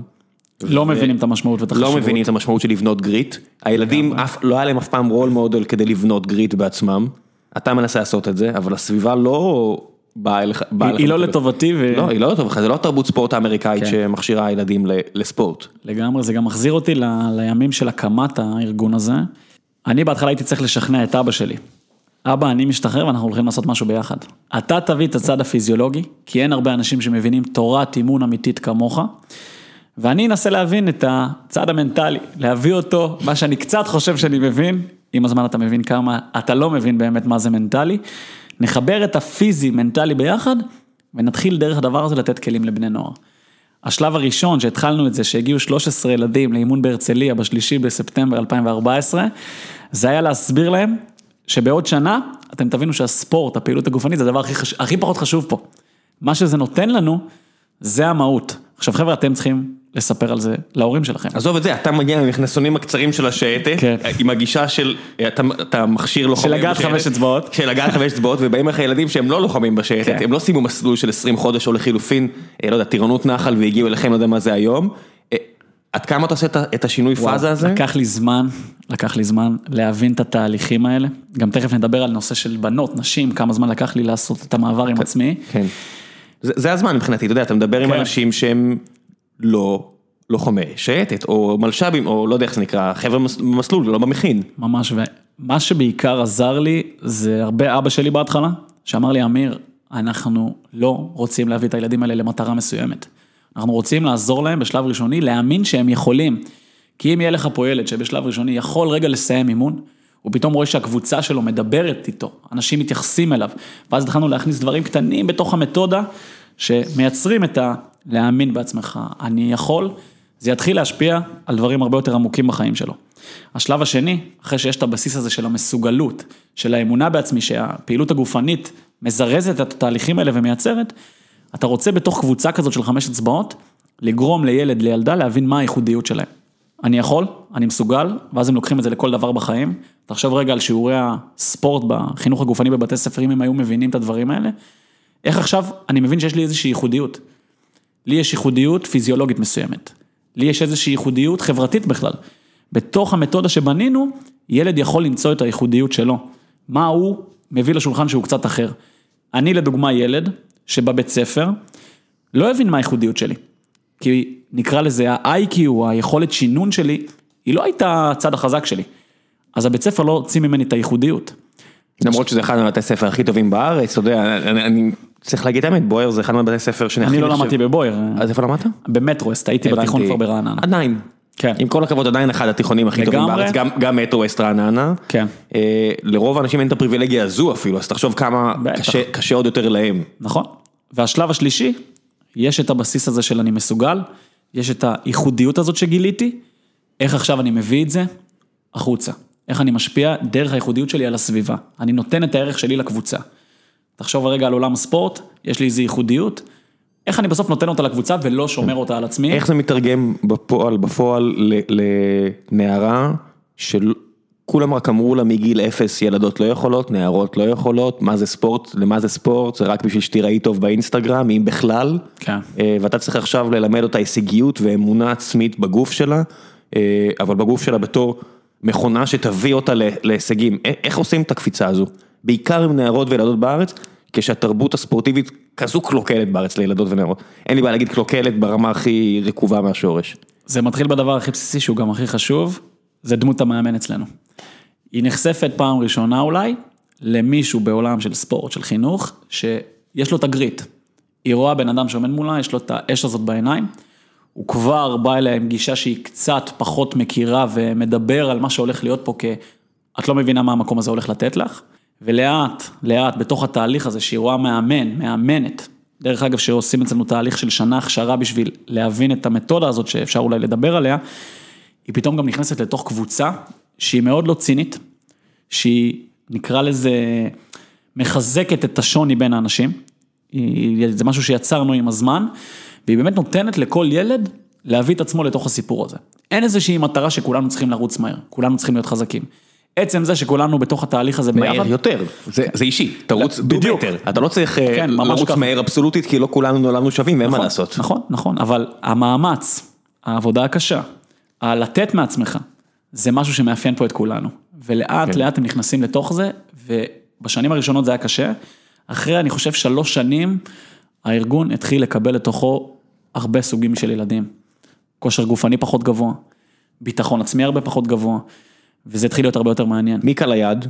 קהל היעד זה כל ילד שבסופו של דבר רוצה. אני מדבר איתך רגע על עולם שנקרא תחום הליבה אצלנו, יש לנו היום קרוב לאלף בני נוער, גילאי 12 עד אה, י"ב, אה, עד 18-19, שתקביל את זה לסוג של תנועת נוער, שהיא ספורטיבית, והגישה שלה יחסית מקצוענית. מי שמעביר לך את התוכן זה לא ילדים כיתה י', י"א, י"ב כמו בתנועת נוער, אלא זה לא אחריי, ממש, זה אנשים בני 25 עד אה, יורם מנחם 58, מקצוען. שהם מקצוענים, שהם חיים את זה. הם לא עושים את זה כהשלמת פרנסה בזמן שהם... או אה, אפילו ערכי, זאת אומרת, אני, אני כמי. שהיה באחריי, אתה מסתכל על זה, אומר, מה היה לי? אני לא ידעתי כלום. זאת אומרת, הדבר היחידי שאתה יכול להביא זה, זה, זה ערכים, שזה אחלה לתקופה אחרת. זאת אומרת, אני מסתכל על זה, אני משווה את זה לתנועה קיבוצית של שנות ה-40, שנות ה-40-30, לתקופה ההיא זה היה מספיק. כן. אם אתה רוצה לעשות את הקפיצת מדרגה הבאה, אתה צריך להביא גם ערכים, אבל גם מקצוענות, שזה יהיה המקצוע שלך. ממש. משלח ידך, לא תחביב, לא משהו שאתה עושה כבדרך אגב. לגמרי, וזה באמת, בסופו של דבר הוא נכנס פתאום למקום שמדבר בשפה שהיא באמת מקצועית, שיורדים כן. איתך רגע לפרטים, שהמאמנים פה עושים תהליכים כדי להבין מה זה נפש של ילד. מה האתגרים שעומדים היום מול ילד או ילדה בעידן שאנחנו נמצאים בו. כי מה שהיה לפני 20 שנה, זה לא מה שקורה היום. ודברים גם משתנים תוך כדי. והוא מרגיש שהוא חלק ממקום מקצועני, שיש לו גם איזשהו vision, שיש לו איזשהו כיוון שהוא רוצה לקחת את הסיפור הזה. אתה מדבר איתם גם על תזונה, שינה ודברים כאלה, או שזה מחוץ לשטח שיפוט שלך? מדברים, כי זה חלק מהמכלול הפיזי-מנטלי שהם מקבלים פה. אנחנו גם הרבה פעמים נזהרים להגיד שאנחנו לא מומחים, אנחנו לא תזונאים, כן. אנחנו גם לא פיזיולוגים. אנחנו מדברים איתכם על דברים שאנחנו מבינים בהם יחסית, אנחנו... כן, יש לכם ליווי של פיזיולוגים. כן. מבחינה פיזיולוגית יש לכם ליווי מקצועי. נכון. תזונה זה כבר מוגזם, זה לא אתם. כן, נכון. אבל איך אתה בכל זאת יכול להסליל, להכווין בן אדם לחיים בריאים יותר גם מהבחינה הזו? כשזה מתחיל בנו המאמנים, שאנחנו בסופו של דבר מייצגים את מה שאנחנו מנסים להעביר. אנחנו מתאמנים על הדבר הזה, אנחנו כצוות מאמנים לא רק אה, יושבים בכיתה ומה התכנים שיש בשבוע, אנחנו מתאמנים על זה. יש לנו שלוש פעמים בשנה אימונים שמודדים את עצמנו. ואז כשאתה בסופו של דבר מבין לעומק, דרך עצמך, את מה שאתה מנסה להעביר, ילד, ילדה, ספורטאי שפוגש אותך, הוא רואה שמי שמעביר לו את זה חי את זה, זה לא משהו שהוא למד עכשיו בתואר ראשון, זה דרך חיים מבחינתו. איך מעבירים את זה מאלף למאה אלף? אתה יודע, עופר שלח פעם ראשונה שנפגשתי איתו, דיבר על אה, שיטת ספורט לאלופים וספורט לאלפים. כן. אלפים זה אחלה, יש איזה מיליון ילדים בכל רגע נתון שבמערכת החינוך, או שני מיליון, אני לא יודע כמה. אה, איך מגיעים לכל האנשים? זאת אומרת, שר הספורט הנוכחי, הרבה יותר קרוב אליך מאשר שרת הספורט הקודמת. הקודמת, כן. אה, הוא נראה אדם מאוד ערכי, גדל בדובדבן, אה, נראה כמו מישהו ש- הפועל ירושלים. נ- נראה כמו מישהו שיש לך שיג ושיח איתו פוטנציאלי. נכון. איך מגיעים למצב שעקרונות כאלה, ש- ששיעור חינוך גופני ב- ב- בתיכון או בבית ספר זה לא פארסה אחת גדולה, ואני לא מתבייש להגיד שברוב המוחלט של התיכונים ובתי הספר בארץ זה פארסה. איך מגיעים למצב שיוצאים מהמקום הזה? שאלה מאוד מורכבת, שאני גם אה, לא מתבייש להגיד פה שאני במחשבות עמוקות אה, לגביה. אתמול בדיוק בערב היה לנו מפגש עם, אה, יש לנו ועד בוגרים, יש לנו כבר אלף בוגרים בחמש אצבעות, אתמול נפגשנו עם ה... נקרא לזה 50 הכי מחוברים, ודיברנו איתם איפה, איפה אתם רואים את הארגון הזה בעוד חמש שנים. כשאתה שומע את זה ממישהו צעיר שגדל אצלך, אתה מקבל תשובות שהרבה פעמים אתה, אתה לא חושב עליהן.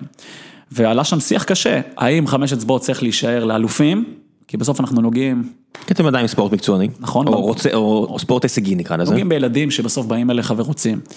ואיך מעבירים את זה כדי לשנות פה תרבות מסוימת, יש תרבות שצריך גם לשנות אותה. חייב. ממש, וזה היה שיח מאוד עמוק אתמול. אני כרגע בגישה של לעשות את זה בסוף דרך המערכת. איך אתה מחבר את המתודה הזאתי לכל המורים לחינוך גופני, לכל המאמנים שיש בארץ, הם לא יכולים לקחת הכל, אבל איך הם לוקחים חלק מהערכים, מהעקרונות שמובילים את המתודה שלנו, ויכולים להכניס אותם ליום יום שלהם, זה שינויים שהם יהיו קטנים בהתחלה, אבל לטווח הרחוק זה שינויים אדירים. אז אני חושב שזה דרך, קודם כל למעלה, המפקחי חינוך גופני, המנהלי בתי ספר, המורים שיושבים תחתם, כמה המודעות היא רחוקה מזה. אני מאמין שזה גם יגיע ביום מן הימים. מה כסף יש, אני, אתה יודע, אנשים אומרים לא מספיק, אין מספיק כסף במערכת החינוך והכל, זה התקציב הכי גדול בארץ. יש כבר- המון כסף. זה, זה יותר גדול ממערכת הביטחון, אם תסתכלו במספרים הקטנים, לכל הפחות זה שווה ערך, אז נכון, יש באמת המון ילדים, אבל מה לעשות, צריך להיות מקוריים, זאת אומרת, אתה רואה למשל מדינות אחרות שצריכות להתמודד עם, עם אתגרים כאלה, אז זה רק דרך תרבות, תרבות הרבה פעמים אוכלת כסף לארוחת בוקר. כן, יכולת אסטרטגיה. אסטרטגיה, כן, היא אוכלת הכל. ואתה רואה את זה במקומות כמו ארה"ב, שמגדלים ספורטאים מדהימים, ממקומות שבאמת שהם לא עשירים. לגמרי. הספור, הספורטאים הכי טובים לא גדלים בסטנפורד וב, ובהרווארד, כן? בטח. יש שם, יש שם כאלה. גם יש. שיוצאים משם, כי יש להם גם, גם לסטנפורד יש אה, NCAA, אבל תרבות אפשר ליצור גם עם פחות כסף, זה רק החלטה מודעת והבנה שזה מספיק חשוב. השאלה איך מגיעים ומשכנעים, זאת אומרת, זה מתחיל אני מניח בהורים, עוד לפני המערכת. זה, זה דת, ואתה מבין את זה בתור אה, איש שבאמת חי ספורט, גם שמעתי את, אה, את הפודקאסט עם שלח שהיה לך, עם עופר שלח, שדיבר על זה שהתפיסה שלנו היא לספורט, כאילו קצת מזלזלים בזה. לא קצת, מבינים- מזלזלים בזה, אין- אין לברוח מזה, כמה מזלזלים בזה. הכלי הזה, היינו לפני, בסוכות האחרון, הצוות מאמנים שלנו בדורטמונד. נסענו להשתלמות שעשינו לעצמנו. זה לא בית"ר, זה דורטמונד. זה נראה כמו בית"ר, הצעיף הזה, זה הצעיף. הזה זה דורטמונד. כן, אז אני- זה שזה אנטי גזענות זה לא בית"ר, זה אז מטורף, כן. באמת מדהים, כי זה- מועדון שזה חבל על הזמן. פאר, זה- זה פאר, אה, מבחינתי, זה פאר היצירה האנושית, המבנה הערכי התרבותי הזה. וואו, וואו, פשוט וואו, לא סתם נסענו לשם, זה באמת דת מה שקורה בעיר היוצאת דופן הזאתי, ויש שם בדורטמונד גם מוזיאון של ההתאחדות כדורגל הגרמנית. יש שם לוח כזה שמראה את ההיסטוריה, הם כל הזמן מחברים להיסטוריה, לטוב ולרע, אתה יודע, ההיסטוריה הגרמנית. לא הם לא בורחים מזה. הם לא בורחים מזה, אבל אחד הדברים שמראים שם על הלוח הזה, זה למה בכלל התחיל הכדורגל בגרמניה. לא התחיל בשביל ביזנס, לא התחיל בשביל ליגה גרמנית מצליחה שיש בה קבוצות כמו ביירן ודורטמונד, הכדורגל במאה ה-19 בשנות ה-70 בגרמניה, התחיל בשביל להקנות לילדים חוסן נפשי ויכולות קוגנטיביות, זה התחיל בבתי ספר היסודיים. תבין כמה זה בא מהבפנים, מהשורש של, ה, של הדברים, כן. כדי להשפיע על התרבות של כל המדינה. זה תהליך שאנחנו חייבים לאט לאט לייצר פה. אני יכול להגיד לך שזה מה שאני הולך להקדיש את החיים שלי אליו. אני לא עושה את זה. אפשר גם לנצח ככה, אתה יודע, הרבה אנשים ממהרים כדי לזלזל, לקחת ב... כן, אבל אה, ביסמרק השתמש בזה כדי לפתח ככה וככה רעיונות לאומנים. אוקיי, לא, תעבור הלאה, או לחילופין, אה, אה, אתה יודע, אתם רק היפים וזה לא, ו- ואין לנו את הפריבילגיה, לא, גם לא נכון, הבונדסליגה זה הליגה השלישית הכי עשירה והכי מוצלחת באירופה, אחרי ספרד זה ואנגליה. בעולם. זה בא ביחד. גם ליגה שבה האוהדים חייבים להיות הבעלים של הקבוצה והם מנסים להרחיק ארגונים מסחרים כאלה ואחרים, אז כן, יש את רדבול וביירן מינכן זה בטוח ארגון דורסני מאוד, המכבי שלהם, כן. ידה ידה ידה, עדיין. זה מקום סופר ערכי, זה מקום שהוא הוא מכניס ילדים בעייתיים ונותן להם חיים חדשים ומהגרים, וזה, אין, אין משהו רע, אני לא תשכנעו אותי שיש משהו רע בדברים האלה. זה מטורף, זה מועדונים שהם משפיעים על התרבות של כל המדינה, יש להם אתוס ויש להם טאבו, וזה משפיע על איך שהקהילה שלהם חושבת ופועלת. אנחנו כרגע רחוקים מזה שנות אור. אבל אסור להתייאש. לגמרי. שאתה אומר, אה, אני אקדיש כל חיי זה טוב, כי, כי זה לא הולך להיות... זה יהיה אתה- קשה. אתה היום בן 30, אני מקווה שכשתהיה בן 70 אנחנו נהיה במקום יותר טוב, כן. אנחנו לא נהיה גרמניה, כי קשה לסגור פערים כאלה והם לא עוצרים לחכות לך, אבל זה בסדר, אני לא רוצה שהפועל ירושלים או מכבי אה, יתחרו, אומרת, נגד נגד ביירן מינכן הם יכולים להתחרות בכדורסל, כי זה לא בתרבות שלהם, אבל במה שחשוב להם הם ינצחו אותנו, הם יותר גדולים, יותר עשירים, בסדר, אבל זה לא מעניין, do better, להשתפר, כמו שאתה מלמד את החבר'ה שלך, אתה לא חייב למדוד את עצמך מול אחרים. נכון, נכון, וגם צריך להסתכל בסופו של דבר על תמונה רחבה. אנחנו מדינה שעוד לא היה לה את הזמן באמת להתעסק בתרבות שלה. שרדנו פה ב-70 שנה האלה.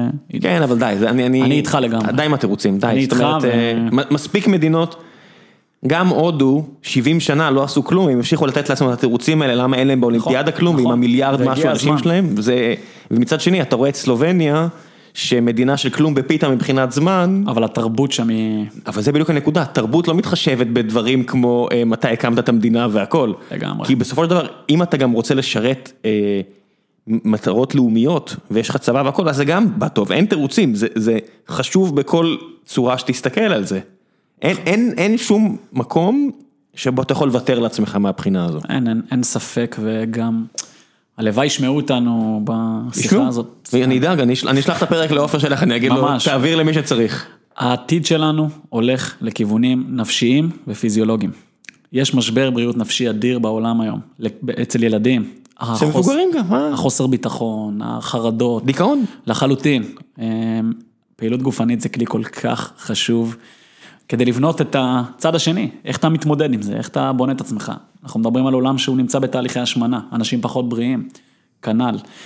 ברגע שיבינו כמה משמעות יש לזה, מעבר גם לתרבות ולערכים שאנחנו יכולים לקבל דרך זה, זה יתחיל להיכנס וזה יעשה שינוי אדיר. כן, אני גם אומר, תחשוב, את הדברים שאתה שומע היום על בני נוער, מפרשיית הכדורגלנים והנערות בנות ה-15, ועד ל... לא יודע מה, אלכוהול, סמים וכל מיני כאלה, אני לא טהרן, לא תשמע אותי מדבר נגד הדברים האלה, אבל אם יש לך אימון, אתה לא תשתה יותר מדי, כי אתה לא יכול להגיע לאימון. אתה לא תתפרע עם שטויות אחרות, כי אתה צריך להגיע לאימון, כי יש לך תחרות. זאת אומרת, אפשר להביא את הדוגמה של מייקל פיילפס, אתם יודעים מה הוא עשה כל יום? הוא הגיע לאימון. כן. אני מבטיח לכם שהוא לא הוריד בנגים ביום של אימון, כי הוא צריך להגיע לאימון. כי הוא צריך להיות הכי טוב במה שהוא עושה. כן. הוא בדיוק הדוגמה מבחינתי לבן אדם שניצח, כי הוא גם התמודד עם קשיים נפשיים חמורים שהוא דיבר עליהם בצורה פתוחה, אבל הוא ניצח למרות הכל. נכון. הוא, הוא עשה מה שצריך.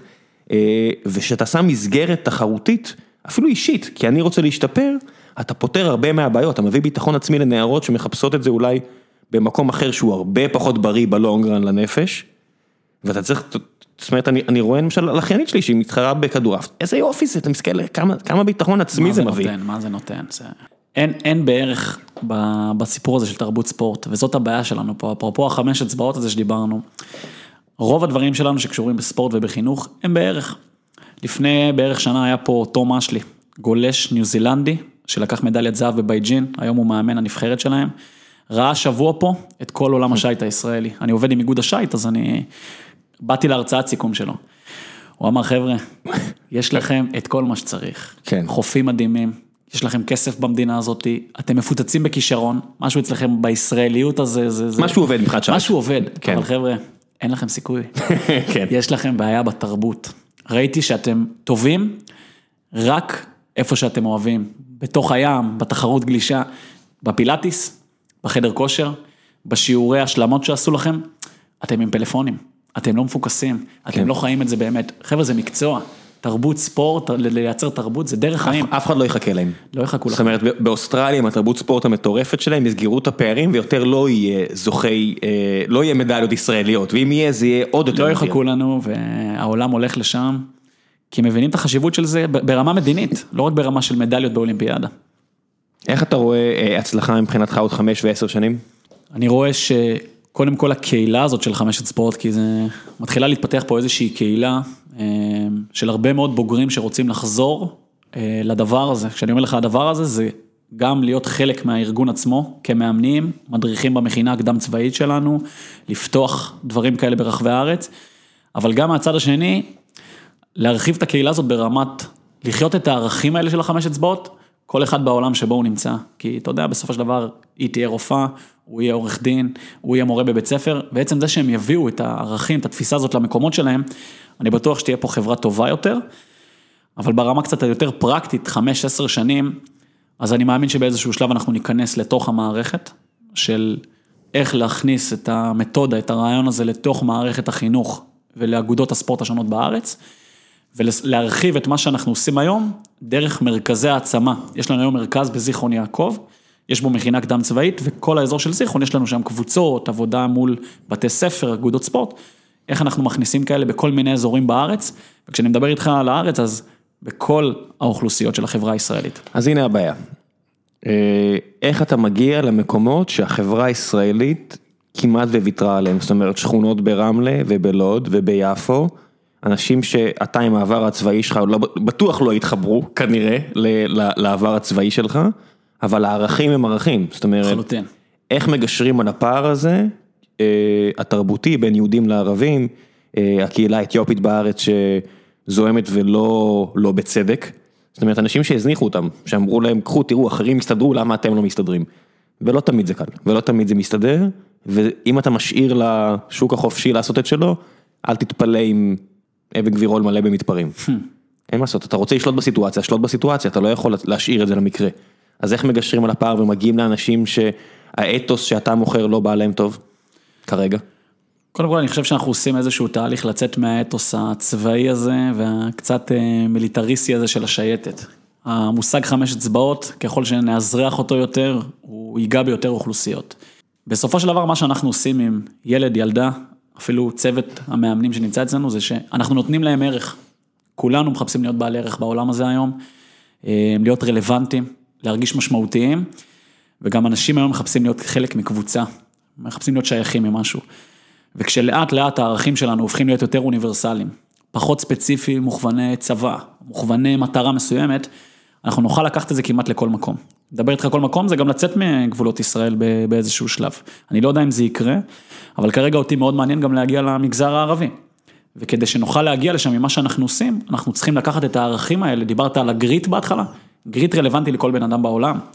בטח לאנשים מוחלשים, זאת אומרת, לחלוטין. להם זה תביא אפילו עוד יותר ערך. שהפוטנציאל שם הוא אדיר, יש שם רעב, יש שם רצון לשינוי, לתהליכים. כן, מי שרואה, מי שרוצה אה, צמיחה כלכלית בארץ, צריך להבין שהפוטנציאל הכי גדול לצמיחה, זה איפה שיש לאנשים הכי הרבה איפה לקפוץ. ממש. אם תבוא אה, לשכונה שבה אני מגדל את הילד שלי, עם כל הכבוד, הפוטנציאל צמיחה, נכון.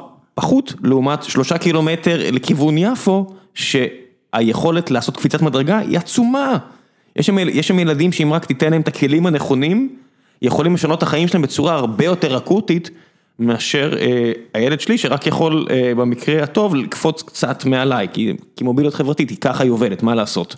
החבר'ה שמה, אתה רואה מה קורה, זה מטריף אותי, אנחנו רואים מה קורה ברמלה עכשיו, יש שם אנשים שיומיים לא יוצאים מהבית, כי יש קרב בין המשטרה לכנופיות. אז א', הגענו בכלל למצב שכנופיות שולטות בעיר בישראל, וב', תבינו שגם אחרי שהמשטרה תצא משם, אם היא תצליח, אם, ואני לא, לא כזה אופטימי, היה שם ילדים שיומיים עכשיו היו בבית, ונתנו להם, כאילו אמרו להם, קחו, תסתדרו. כן. אין, אין, היכולת להקפיץ אותה מדרגה, היא הרבה יותר משמעותית. אדירה, אדירה, ואנחנו, הערכים שאנחנו מדברים ביום יום, יש לנו מין דבר כזה שכל בו מסיים שלנו, לפני שהוא מתגייס, יוצא לשנת שירות, מכינה, הוא כותב, מה זה חמש אצבעות בשבילי? הערכים, התכונות, הדברים שהם לקחו מהארגון הזה, הם מתאימים לכל בן אדם. מדברים על ערכים מאוד אוניברסליים, מאוד דמוקרטיים, מאוד כלליים, שאני חושב שהם רלוונטיים לכל אחד. וכל התפיסה פה בסופו של דבר היא איך לייצר חיבור בכלל מרכיבי החברה הישראלית. אוקיי, יש לנו עוד אה, 20 דקות, אני רציתי להשאיר זמן לשאלות מהקהל. ולפני שנגיע לשלב השאלות מהקהל לאמיר, אני רוצה לספר לכם על נותני החסות הנוספים שיש לנו בפרק הזה, וזו חברת סולמייט. חברת סולמייט שמייצרת אוכל לכלבים שהוא לא רק במחיר הרבה יותר הגיוני מהמתחרים, אלא גם באותה איכות של המותגים הכי טובים שאתם מכירים. ואיך אני יודע את זה? אה, כי אני מכיר את היזם שמאחורי הקלעים, אה, גיל. גיל שירת איתי בעוקץ וראיתי אה, ממבט ראשון עד כמה החברים על הארבע קרובים לליבו. את הסיפור של גיל והכלב שלו סטאר אתם יכולים למצוא ביוטיוב או בגוגל אני אשאיר לכם לינק. הכלב באמת מיוחד ומערכת היחסים של גיל עם הכלב שלו לא סתם מגיע לכותרות.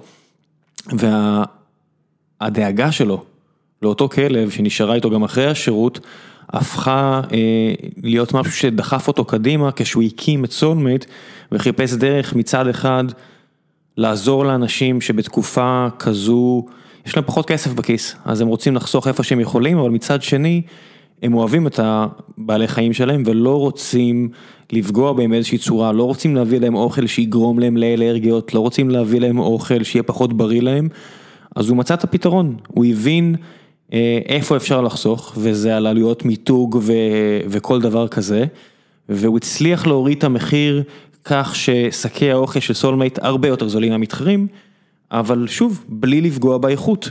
הוא מצא את הנוסחה הכי טובה לאקלים הישראלי, התייעץ עם הווטרינרים הכי טובים שאפשר לחשוב עליהם, ועכשיו בהצעה מיוחדת למאזיני גיקונומי, הוא מציע עסקה רק ללקוחות חדשים, תקנו שק ותקבלו עוד שק, כדי שתוכלו לבחון את זה לאורך זמן, ובעצם למצוא דיל עוד יותר טוב מהרגיל. עסקים של סולמייט אה, יגיעו עד אליכם עם שליח. אה, אני בדקתי את זה גם עם הכלבים שלי, אז לא רק שאני מכיר את גיל, גם רציתי לוודא שאני לא ממליץ לכם פה על מוצר שלא ניסיתי בעצמי, כיוון שאני פחות חובב של אוכל לכלבים, הבאתי את זה לשני חברים שיש לנו בבית, ושניהם מסרו שזה A-OK, נהנו, אה, לפחות לפי מה שאפשר לבדוק, ויש כל מיני מדדים אובייקטיביים, זאת אומרת איכות הצואה, אה, אם הם מוכנים לאכול את זה יום אחרי יום בלי בעיה, האם זה גורם להם לאלרגיות וכו', אז אחרי חודש, כחודש של שימוש, אני יכול להגיד לכם שבכל המדדים האובייקטיביים, לפחות זוג הכלבים שיש לי הבית מאוד נהנים מסולמייט. אני אשאיר לכם לינק, כמובן שהמבצע הוא רק לשק הראשון, ואל תנצלו חבר יזם, אבל בכל זאת תרכשו. ואם אתם אוהבים, תישארו לקוחות של סולמייט, כי זה באמת בתקופה כזו הפתרון הכי טוב שאתם יכולים למען בעלי החיים בבית שלכם. הקופון שבו תצטרכו להשתמש אה, כדי לקבל את ההטבה של סולמייט היא גיק, G-E-E-K. אה, ואם שואלים אתכם, תגידו שהגעתם דרך גיקונומי, אה, במידה והקופון לא יסגור את זה וירצו גם לדבר איתכם. זהו, ובחזרה לפרק עם אמיר מנחם, מקווה שאתם נהנים, וחזרנו, אריאל ניר שואל, איך עוזרים לילדים לייצר מוטיבציה? עוזרים להם להבין מה הייחודיות שלהם. זה אני חושב הכלי הכי חשוב, אנחנו מייצרים שיחות אישיות עם כל הילדים אצלנו. ילד היום זקוק לקשר האישי. אצל כולם יש, לכולם יש איזה משהו פנימי מיוחד, כל ילד יש בו איזושהי גאונות, אני בטוח בזה. פשוט הוא צריך את הבן אדם, צריך את המישהו שיעזור לו לגלות מהי. וכשהוא מבין פתאום שיש לו איזושהי ייחודיות, ושהוא מבין שזה בסדר, שבדברים מסוימים הוא לא כל כך טוב, שזה שאין לו כל כך הרבה עוקבים באינסטגרם, זה בסדר, יש לך יכולות אחרות. להפך הייתי אומר. אתה כנראה בכיוון חיובי. כן, להפך. כשאתה מגלה לו מה הייחודיות שלו, ושיש מקום, שיש אנשים שגם הם דומים לו בסגנון חשיבה, בתפיסה, לא ציניים, פתאום יש מוטיבציה. אני אוהב להגיד שהתהליך שאני הכי הרבה רואה עם ילדים אצלנו זה שפתאום העיניים קצת אה, מתעוררות, אתה רואה איזה, איזה זיק קטן שהיה חסר שם. אז קראתי אה, בשבועיים האחרונים ספר של מישהי בשם אסתר ווצ'יצקי. אה, היא אימא שכבר בת 80 כמעט, היה לה ילדות לא קלה בכלל, והיא גידלה שלוש בנות בדרך שלה, שגריט grit זה אחד מהאבות יסוד של הדרך שלה, שהיא קוראת לה... kind אני חושב שזה נקרא או משהו כזה, לא משנה כל מיני סט של ערכים, זה לא משנה צריך לשמוע או לקרוא בשביל להבין, והיא גידלה שלוש בנות שאחת מהן היא המנכ"לית של יוטיוב, אחת היא המנכ"לית של 23andMe, סטארט-אפ גנטי נורא מפורסם, ועוד אחת היא אחת הרופאות המפורסמות בארצות הברית. והיא אמרה איך עשיתי מה שעשיתי, זאת אומרת, וזה הרבה מהערכים שאתה מדבר עליהם, והיא מדברת, היא גם מורה בתיכון, והיא אומרת, אתה רואה על ילדים כשהם בדיכאון, כשהחיים לא טובים אליהם והם לא טובים לחיים, אה, העיניים שלהם כבויות. זה יותר בולט מאשר מבוגרים שלומדים להסתיר את זה. נכון. עם נערים אתם רק צריכים להסתכל. ממש. זאת אומרת, אתה רק צריך לשאול ולדבר ואתה תראה את זה. כן. יש כל כך הרבה סוגי אינטליגנציות, כל כך הרבה סוגי יכולות, שאם אתה יודע ומבין את הדברים האלה, וזה מה שהרבה פעמים אנחנו מנסים ללמד הצוות מאמנים שלנו אחד את השני, כמה סוגי יכולות יש בבן אדם, אתה בתור איש חינוך, אתה בתור בן אדם שמשפיע, צריך לזהות את זה. צריך לזהות מה הילד הזה יכול להיות שונה. ואז מתחילה להתעורר המוטיבציה. כן, בלי תשוקה זה מאוד קשה. בטח. אה, אוריאל אה, אופיר שואל, יש לי חבר בוגר שייטת שאני מזהה אצלו בעיה של מחויבות יתר, טוטליות יתר. המחויבות שלו למשימות כל כך גדולה שהוא מאבד את עצמו, את הבריאות שלו על הדרך. אני חושב שהוא לא מקרה בודד וזה אופי של אנשים שמגיעים ליחידה אה, ונבנים בה. האם אתה מכיר את התופעה הזו, מדברים עליה, האם יש דרכים להתמודד עם זה? כן, אני מכיר את זה. אה, אני חושב שהשייטת, בתור אחד שמעורב וחי את היחידה, בתהליך אה, מאוד חיובי בנושא הזה. אה, בעבר זה היה יותר בולט. זה בסופו של דבר מקום שמלמד אותך לנצח. ולנצח דברים מאוד מורכבים. יש לזה גם מחירים. כולנו ראינו בריקוד האחרון שיש מחירים לווינריות, לאורח חיים לא יודע, מאוד מאוד דורש. לא יודע מה מה המחירים שמראים לך שם דווקא, אבל כן. כשה- כשהמנ- כשהמנצח כותב את הסיפור אתה פחות תראה את המחיר. נכון, אה, אבל אני חושב שיש השפעות.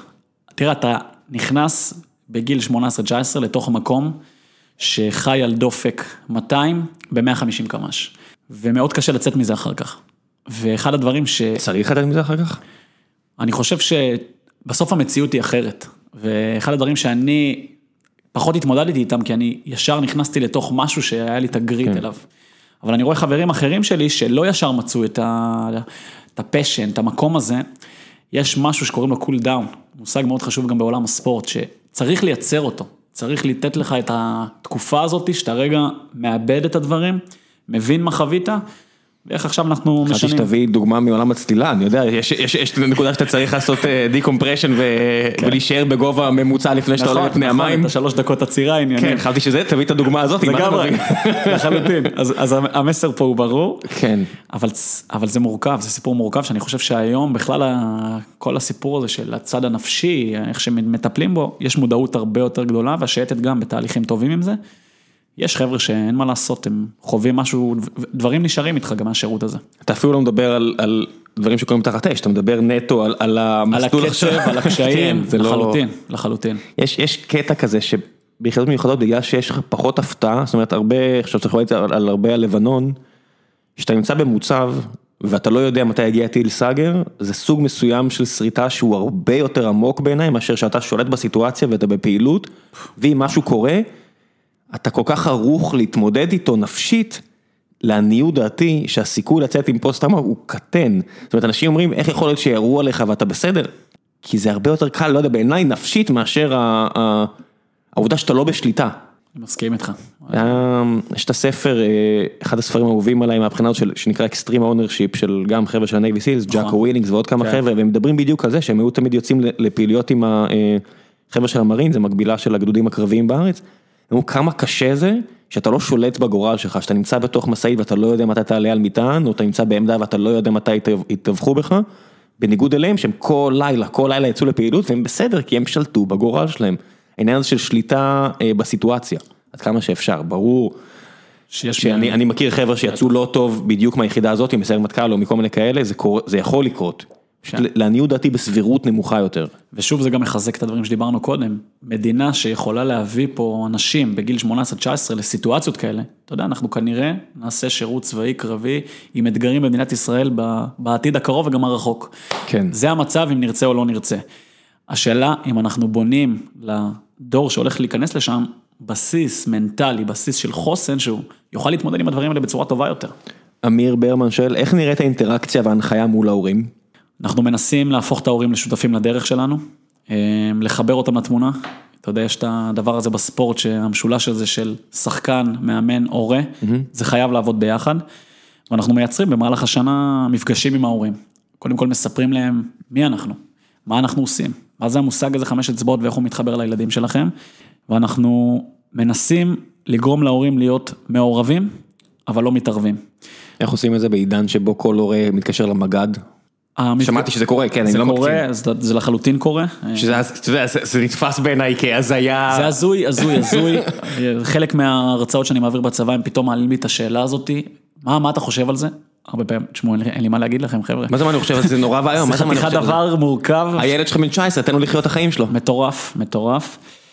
אנחנו מנסים לחבר את ההורים דרך ההרצאות, הם רואים שמדובר באנשים רציניים, וכשהורה רואה שמי שעובד עם הילד שלו זה איש רציני, שיחסית יודע מה הוא עושה, הוא מרגיש יותר טוב, ויחד עם זה אנחנו גם מציבים גבולות. אנחנו לא מדברים עם ההורים כאילו אנחנו, אתם הלקוחות שלנו. אם לא מתאים, אנחנו אומרים, זה בסדר שלא תהיה פה. אנחנו מאמינים במה שאנחנו עושים, אנחנו גם מאמינים בזה שאנחנו עושים הרבה טעויות. אבל תן לנו להעביר את הילד שלך תהליך בלי שאתה נמצא בו. כן, זה משהו שגם בארצות הברית מתמודדים איתו עכשיו, יש איזה פודקאסט של מייקל לואיס, מהסופרים הכלכליים האהובים עליי, והוא מקדיש את העונה של הפודקאסט שלו למוסד המאמן בארצות הברית. הוא שיחק בייסבול, והוא אומר שהוא היה ילד עשיר, מפונק וחלש מנטלית, והוא הגיע לקבוצת בייסבול והמאמן שם עיצב אותו, ולא ויתר עליו, וזה הגיע פעם אחת לסיטואציה שבה הוא חטף כדור בפנים, לא נזרק מהמאמן, אבל לא, כי לא באת לאימון ופישלת והלכת לאיזה סקי או משהו כזה, ואימא שלו נתנה לו, אמרה לו, המאמן אמר, אין מה לעשות, תתמודד.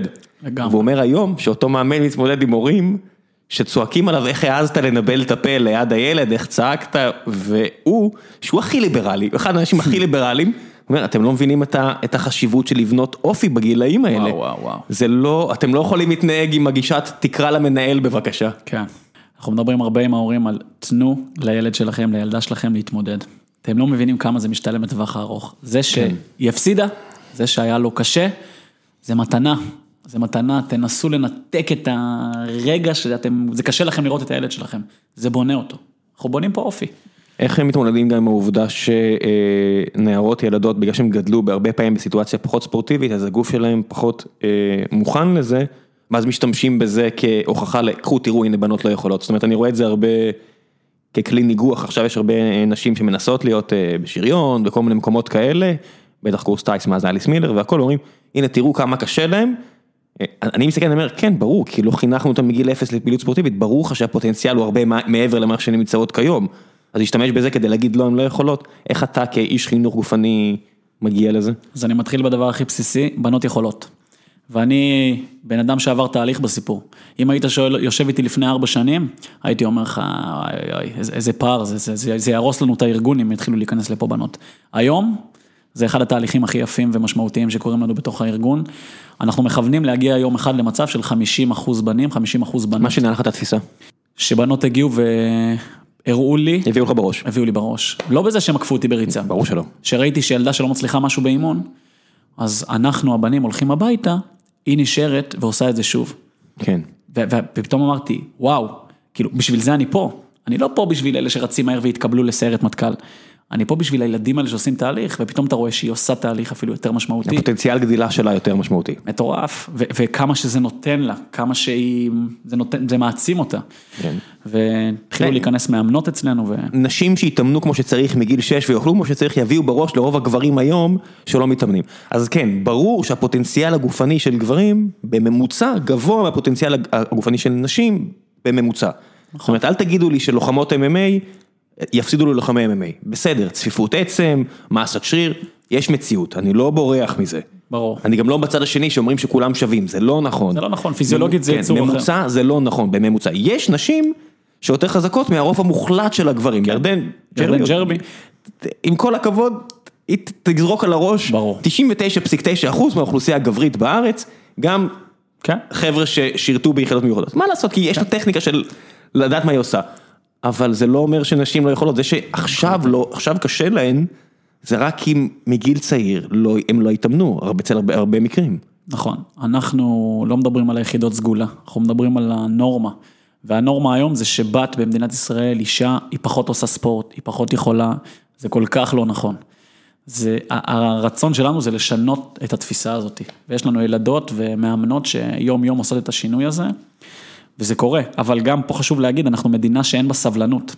כדי ליצור את השינוי הזה צריך סבלנות. זה ייקח זמן, שינויים לא עושים ב- ביומיים. לא, זה דור, אתה צריך לבנות דור, אתה לא משנה פרט. לחלוטין. אתה צריך להבין ממש. שאתה אולי תעזור לה, אם היא כבר מגיעה בגיל מאוחר, לחנך את הבת שלה יום אחד. כן. מה לעשות. אמ, נתנאל שולקין שואל, מה אתה חושב שהבעיה של מערכת החינוך הישראלית, כנראה מהבחינה הזו, ואיך ניתן לפתור אותה? דיברנו על זה הרבה. אמ, זה יושב על האידיאולוגיה, שלא מבינים את החשיבות של זה, לא מספיק נותנים לזה חשיבות, אה, וצריכים פשוט לשים את זה בסדר עדיפויות הרבה יותר גבוה. ברגע שזה יעלה בסדר עדיפויות דרך שר חינוך כמו טרופר, או שר, סליחה, תרבות, אה, תרבות וספורט, או שר חינוך עכשיו, אני חושב שזה השתנה. זה צריך להגיע בהחלטה מדינית, דרך גופים קטנים כמו שלנו, שדוחפים מבפנים ו... צריך גם להגיד שזה גם חשוב שיגיעו אנשים למקומות האלה, שכמו שאתה אומר, הם מבינים שזה התפקיד שלהם בעולם הזה. זאת אומרת, ממש. אני מכבד את בנט על הרבה מאוד דברים שהוא עשה, דברים אחרים לא, אבל כשהוא היה שר חינוך שנים ואז שר ביטחון ארבע וחצי שבועות או לא יודע כמה, והוא מציג את עצמו בתור שר הביטחון לשעבר, אז הוא בעצם אומר לכולם חינוך פחות חשוב, ואני לא מקבל את זה. לא סתם אמרתי אידיאולוגיה. זה לא מקבל את זה, אתה צריך להגיע להבין שזה לא מקפצה למשהו אחר, זה הדבר האמיתי. אידיאולוגיה זה המילה כי רוב היושבים בכיסאות האלה חושבים על התפקיד הבא. הם לא חושבים אידיאולוגית איך הם עושים שינוי ובאמת עונים על הצורך. אה, נתן שואל, אה, תספר קצת על השירות אה, ועל האימונים הקשים שם, זה מעניין מאוד. מה, מה, ש... מה אתה יכול לספר על האימונים הקשים בשייטת? זה מסלול קשה. מסלול קשה, מאתגר, כן. בונה אותך מאוד מכל הבחינות. אני חושב שאחד הדברים שהכי לקחתי זה את הסיפור הזה של אליפות צה"ל, שזה מראה מה זה תרבות של יחידה שכל שנה באה לאליפות צה"ל ו... בניגוד למתחרות שלה. מגיעה ו... כן, למי, למי שלא מכיר אליפות צה"ל, לא יודע, לפחות בתקופה שלי, אה, זה מצחיק, היו שתי יחידות אה, לידינו בסירקין, את אה, סיירת יעל וסיירת מטכ"ל.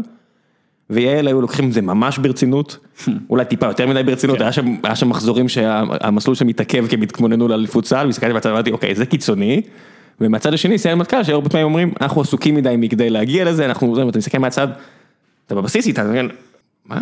כן. מה, מה זה הקשקוש הזה, אתם מפחדים להפסיד, בבירור אתם מפחדים להפסיד. כן. זה אגו, זה כאילו כל כך שיינפול מבחינתי מהבחינה הזו. תפסיד אז, נכון. ואז תדע להשתפר. כן. או לחילופין, תמשיך להפסיד, אין פה מה... כן. זה, זה, כן, it is what it is. כן, אבל זאת התרבות של שייטת, ואם הוא באמת רגע שואל פה את השאלה הזאתי, מתאמנים על המציאות. זה יחידה שאני למדתי שם, לקחתי את זה ממנה, אתה מתאמן על מה שיכול לפגוש אותך בקצה. ניקח את זה רגע לספורט, בוא נתאמן על הקצב שמשחקים בגרמניה, בוא נתאמן על הקצב שמשחקים בספרד, אנגליה, לא על מה שקורה פה. זה הרבה פעמים הטעות. תתאמן על מה שיכול לפגוש אותך במציאות. זה, זה, זה הסיפור של השייטת מבחינתי, מבחינת האימונים.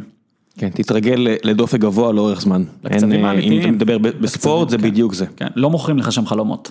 חבר'ה, זה, אנחנו זה- מתאמנים על מציאות, על מה שהולך לקרות לכם כנראה. כן, אם אתם יכולים, אם אתם חושבים שלא תגיעו למצב של 18 שעות בדופק גבוה, קרה. כן. אה, לא יודע, יש- כבר ספרים שנכתבו, יודע, אני לא, לא, לא מכיר מספיק ולא אקשקש. אה, גור אה, מוץ שואל, אמיר והצוות שלו הם חבורה של צעירים ערכיים שמהווים דוגמה ומופת לבני נוער ואזרחות מדהימה. אשמח שתרחיב על ההבדל אה, המגדרי בהתמודדות עם האתגרים השונים ומסלול התפתחות של החניכים, זאת אומרת, מה בכל זאת הם עושים שונה? אנחנו נותנים במהלך השנה תכני העשרה שונים לנושא של בנות, נשים, אה, מסבירים להם כל מיני כיוונים שהם יכולים ללכת אליהם.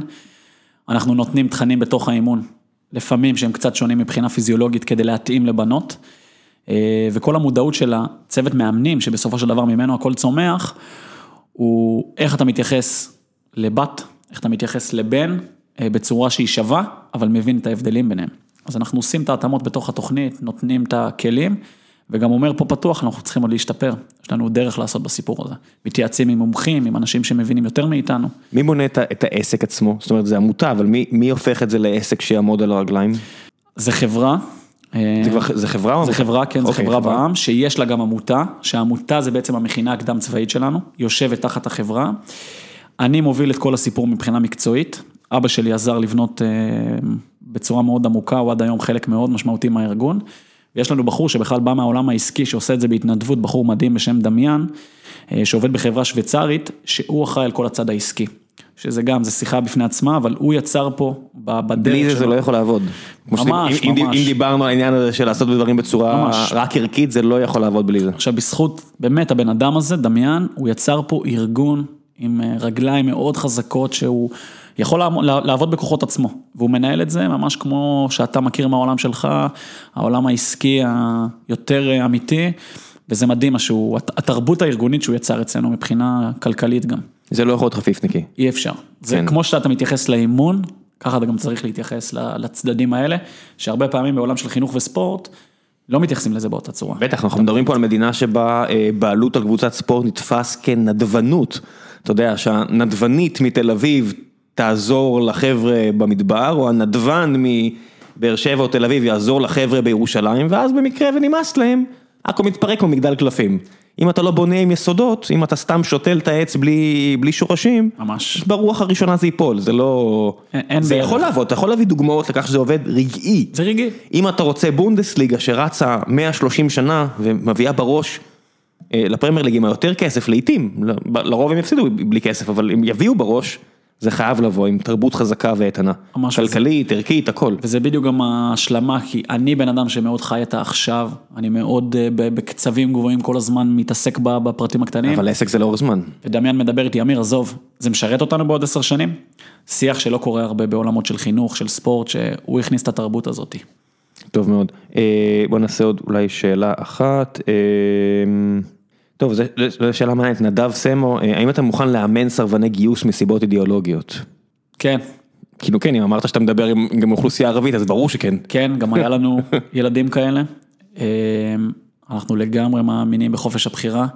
יחד עם זה, אני גם אומר לו את דעתי. כן. אני לא חוסך את דעתי, אבל ברור שהוא יכול כן, להישאר. אני, ח- אני חייב להגיד לך שמי שסרבן מסיבות אידיאולוגיות, זה האידיאולוגיה שלו, אני חייב לכבד את זה בניגוד, לחלוטין. אם הוא מוכן לשבת על זה בכלא גם, זה בכלל, אני מוריד את הכובע, סבבה, לך על זה, אבל זה בטח יותר מהאנשים שאתה יודע, כי, כי הם הורידו בנג אחד יותר מדי, אז אחי, לא בא לי.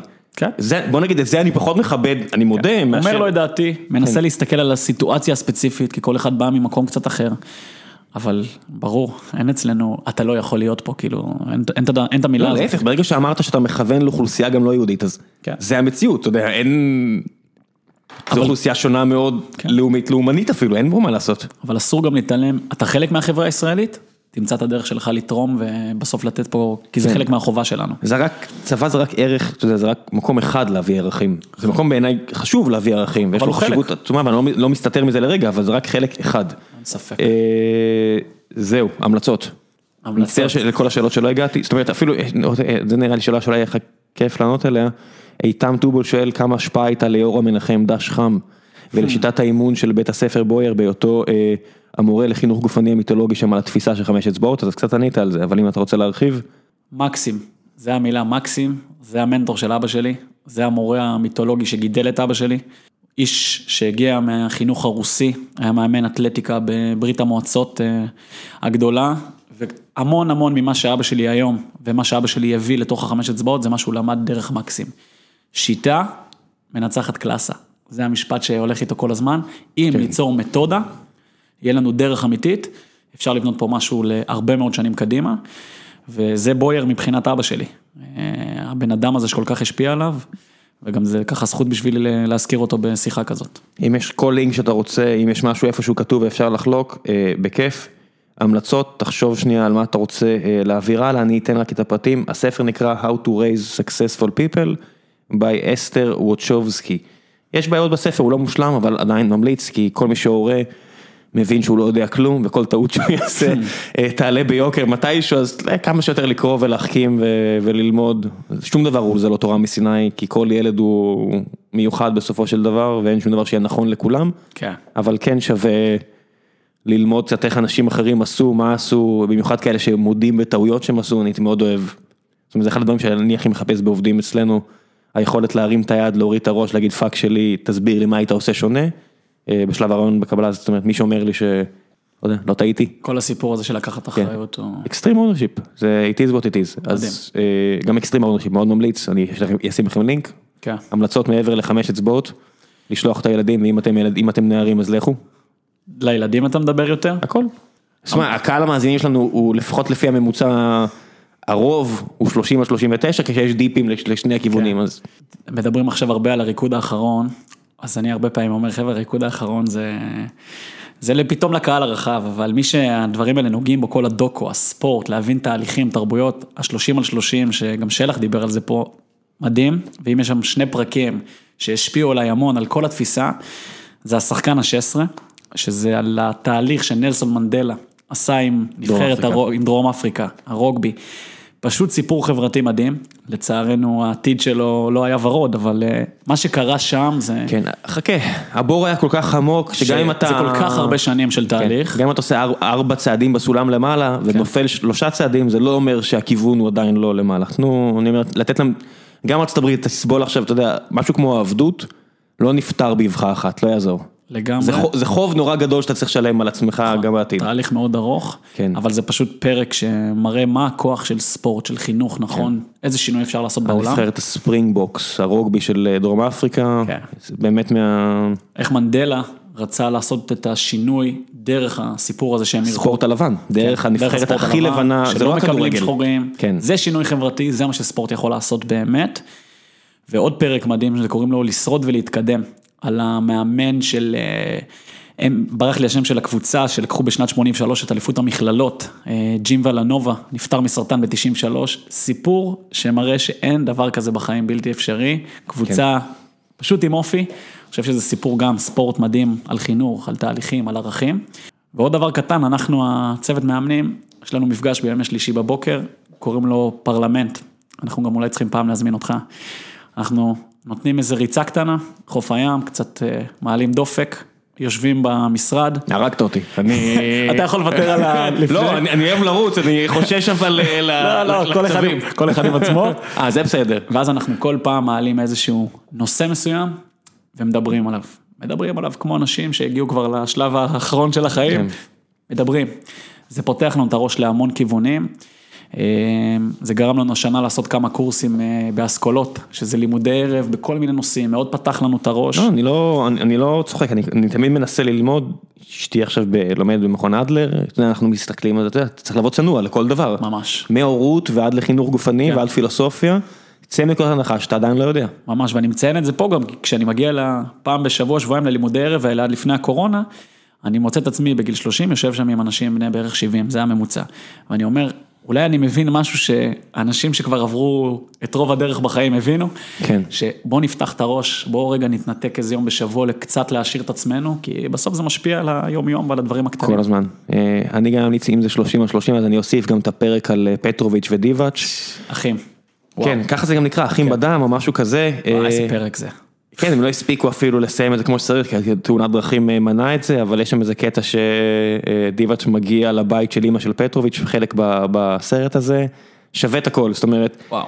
שאתה רואה את קוקוץ' בריקוד האחרון, והם אומרים, אה, הוא די- קשוח, היוגוסלבי הזה, כן. הקרואטי הזה, למרות שדי השפלנו אותו, הוא חזר והוא היה בסדר. הוא יושב שם, אתה יודע, הוא כבר די שמנמן כזה, הוא יושב, כן, קלטתי כמה סלים די גדולים, זה בסדר, עשיתי את זה. כן. אה, אתה רואה מה זה התרבות היוגוסלבית ואיך מדינה יחסית קטנה הצמיחה כל כך הרבה, אם דיברנו על שלושת הטנסאים, אז אחד מהם הוא כזה, אה, משם, איך, איך, איך המקום הזה גידל וממשיך לגדל, איך מדינה כמו סלובניה, למרות שהיא התפרקה משם, אבל הם עוד בלי אלימות עדיין הצליחה תוך כלום זמן להיות אלופת אירופה עם אוכלוסייה של שני מיליון. מטורף. להצמיח שחקן כמו לוקה דונצ'יץ', כמו דרגיץ', כמו כל החבר'ה האלה, זה לא... אה, ממש, יש... תרבות. תרבות, תרבות, זה נראה לי גם מסכם את השיחה. תרבות, תרבות, תרבות, תרבות זה משהו שצריך לעבוד עליו כל הזמן. אה, בסוף זה מי שאנחנו התרבות. כן, זה מה שאני רוצה להגיד, אל, תצביעו על מישהו אחר, הכי קל, אה, המדינה הזאת חרא, כולם פה לא נחמדים, ואז אותו בן אדם יצפור בכביש, יקלל, יסתכל בטלפון בזמן שהוא בג'ימבורי עם הילד, בעבודה הוא יעשה חרא עבודה, וירשום בטוויטר כמה המדינה מחורבנת. כן. בזה זה מתחיל. אז קודם כל דו בטר בעצמכם, ואז אה, תבקרו מישהו אחר, כל הזמן, כל הזמן. ממש. יאללה, אמיר, תודה רבה רבה שבאת, תודה לך על הזכות, היה לי תענוג. ביי.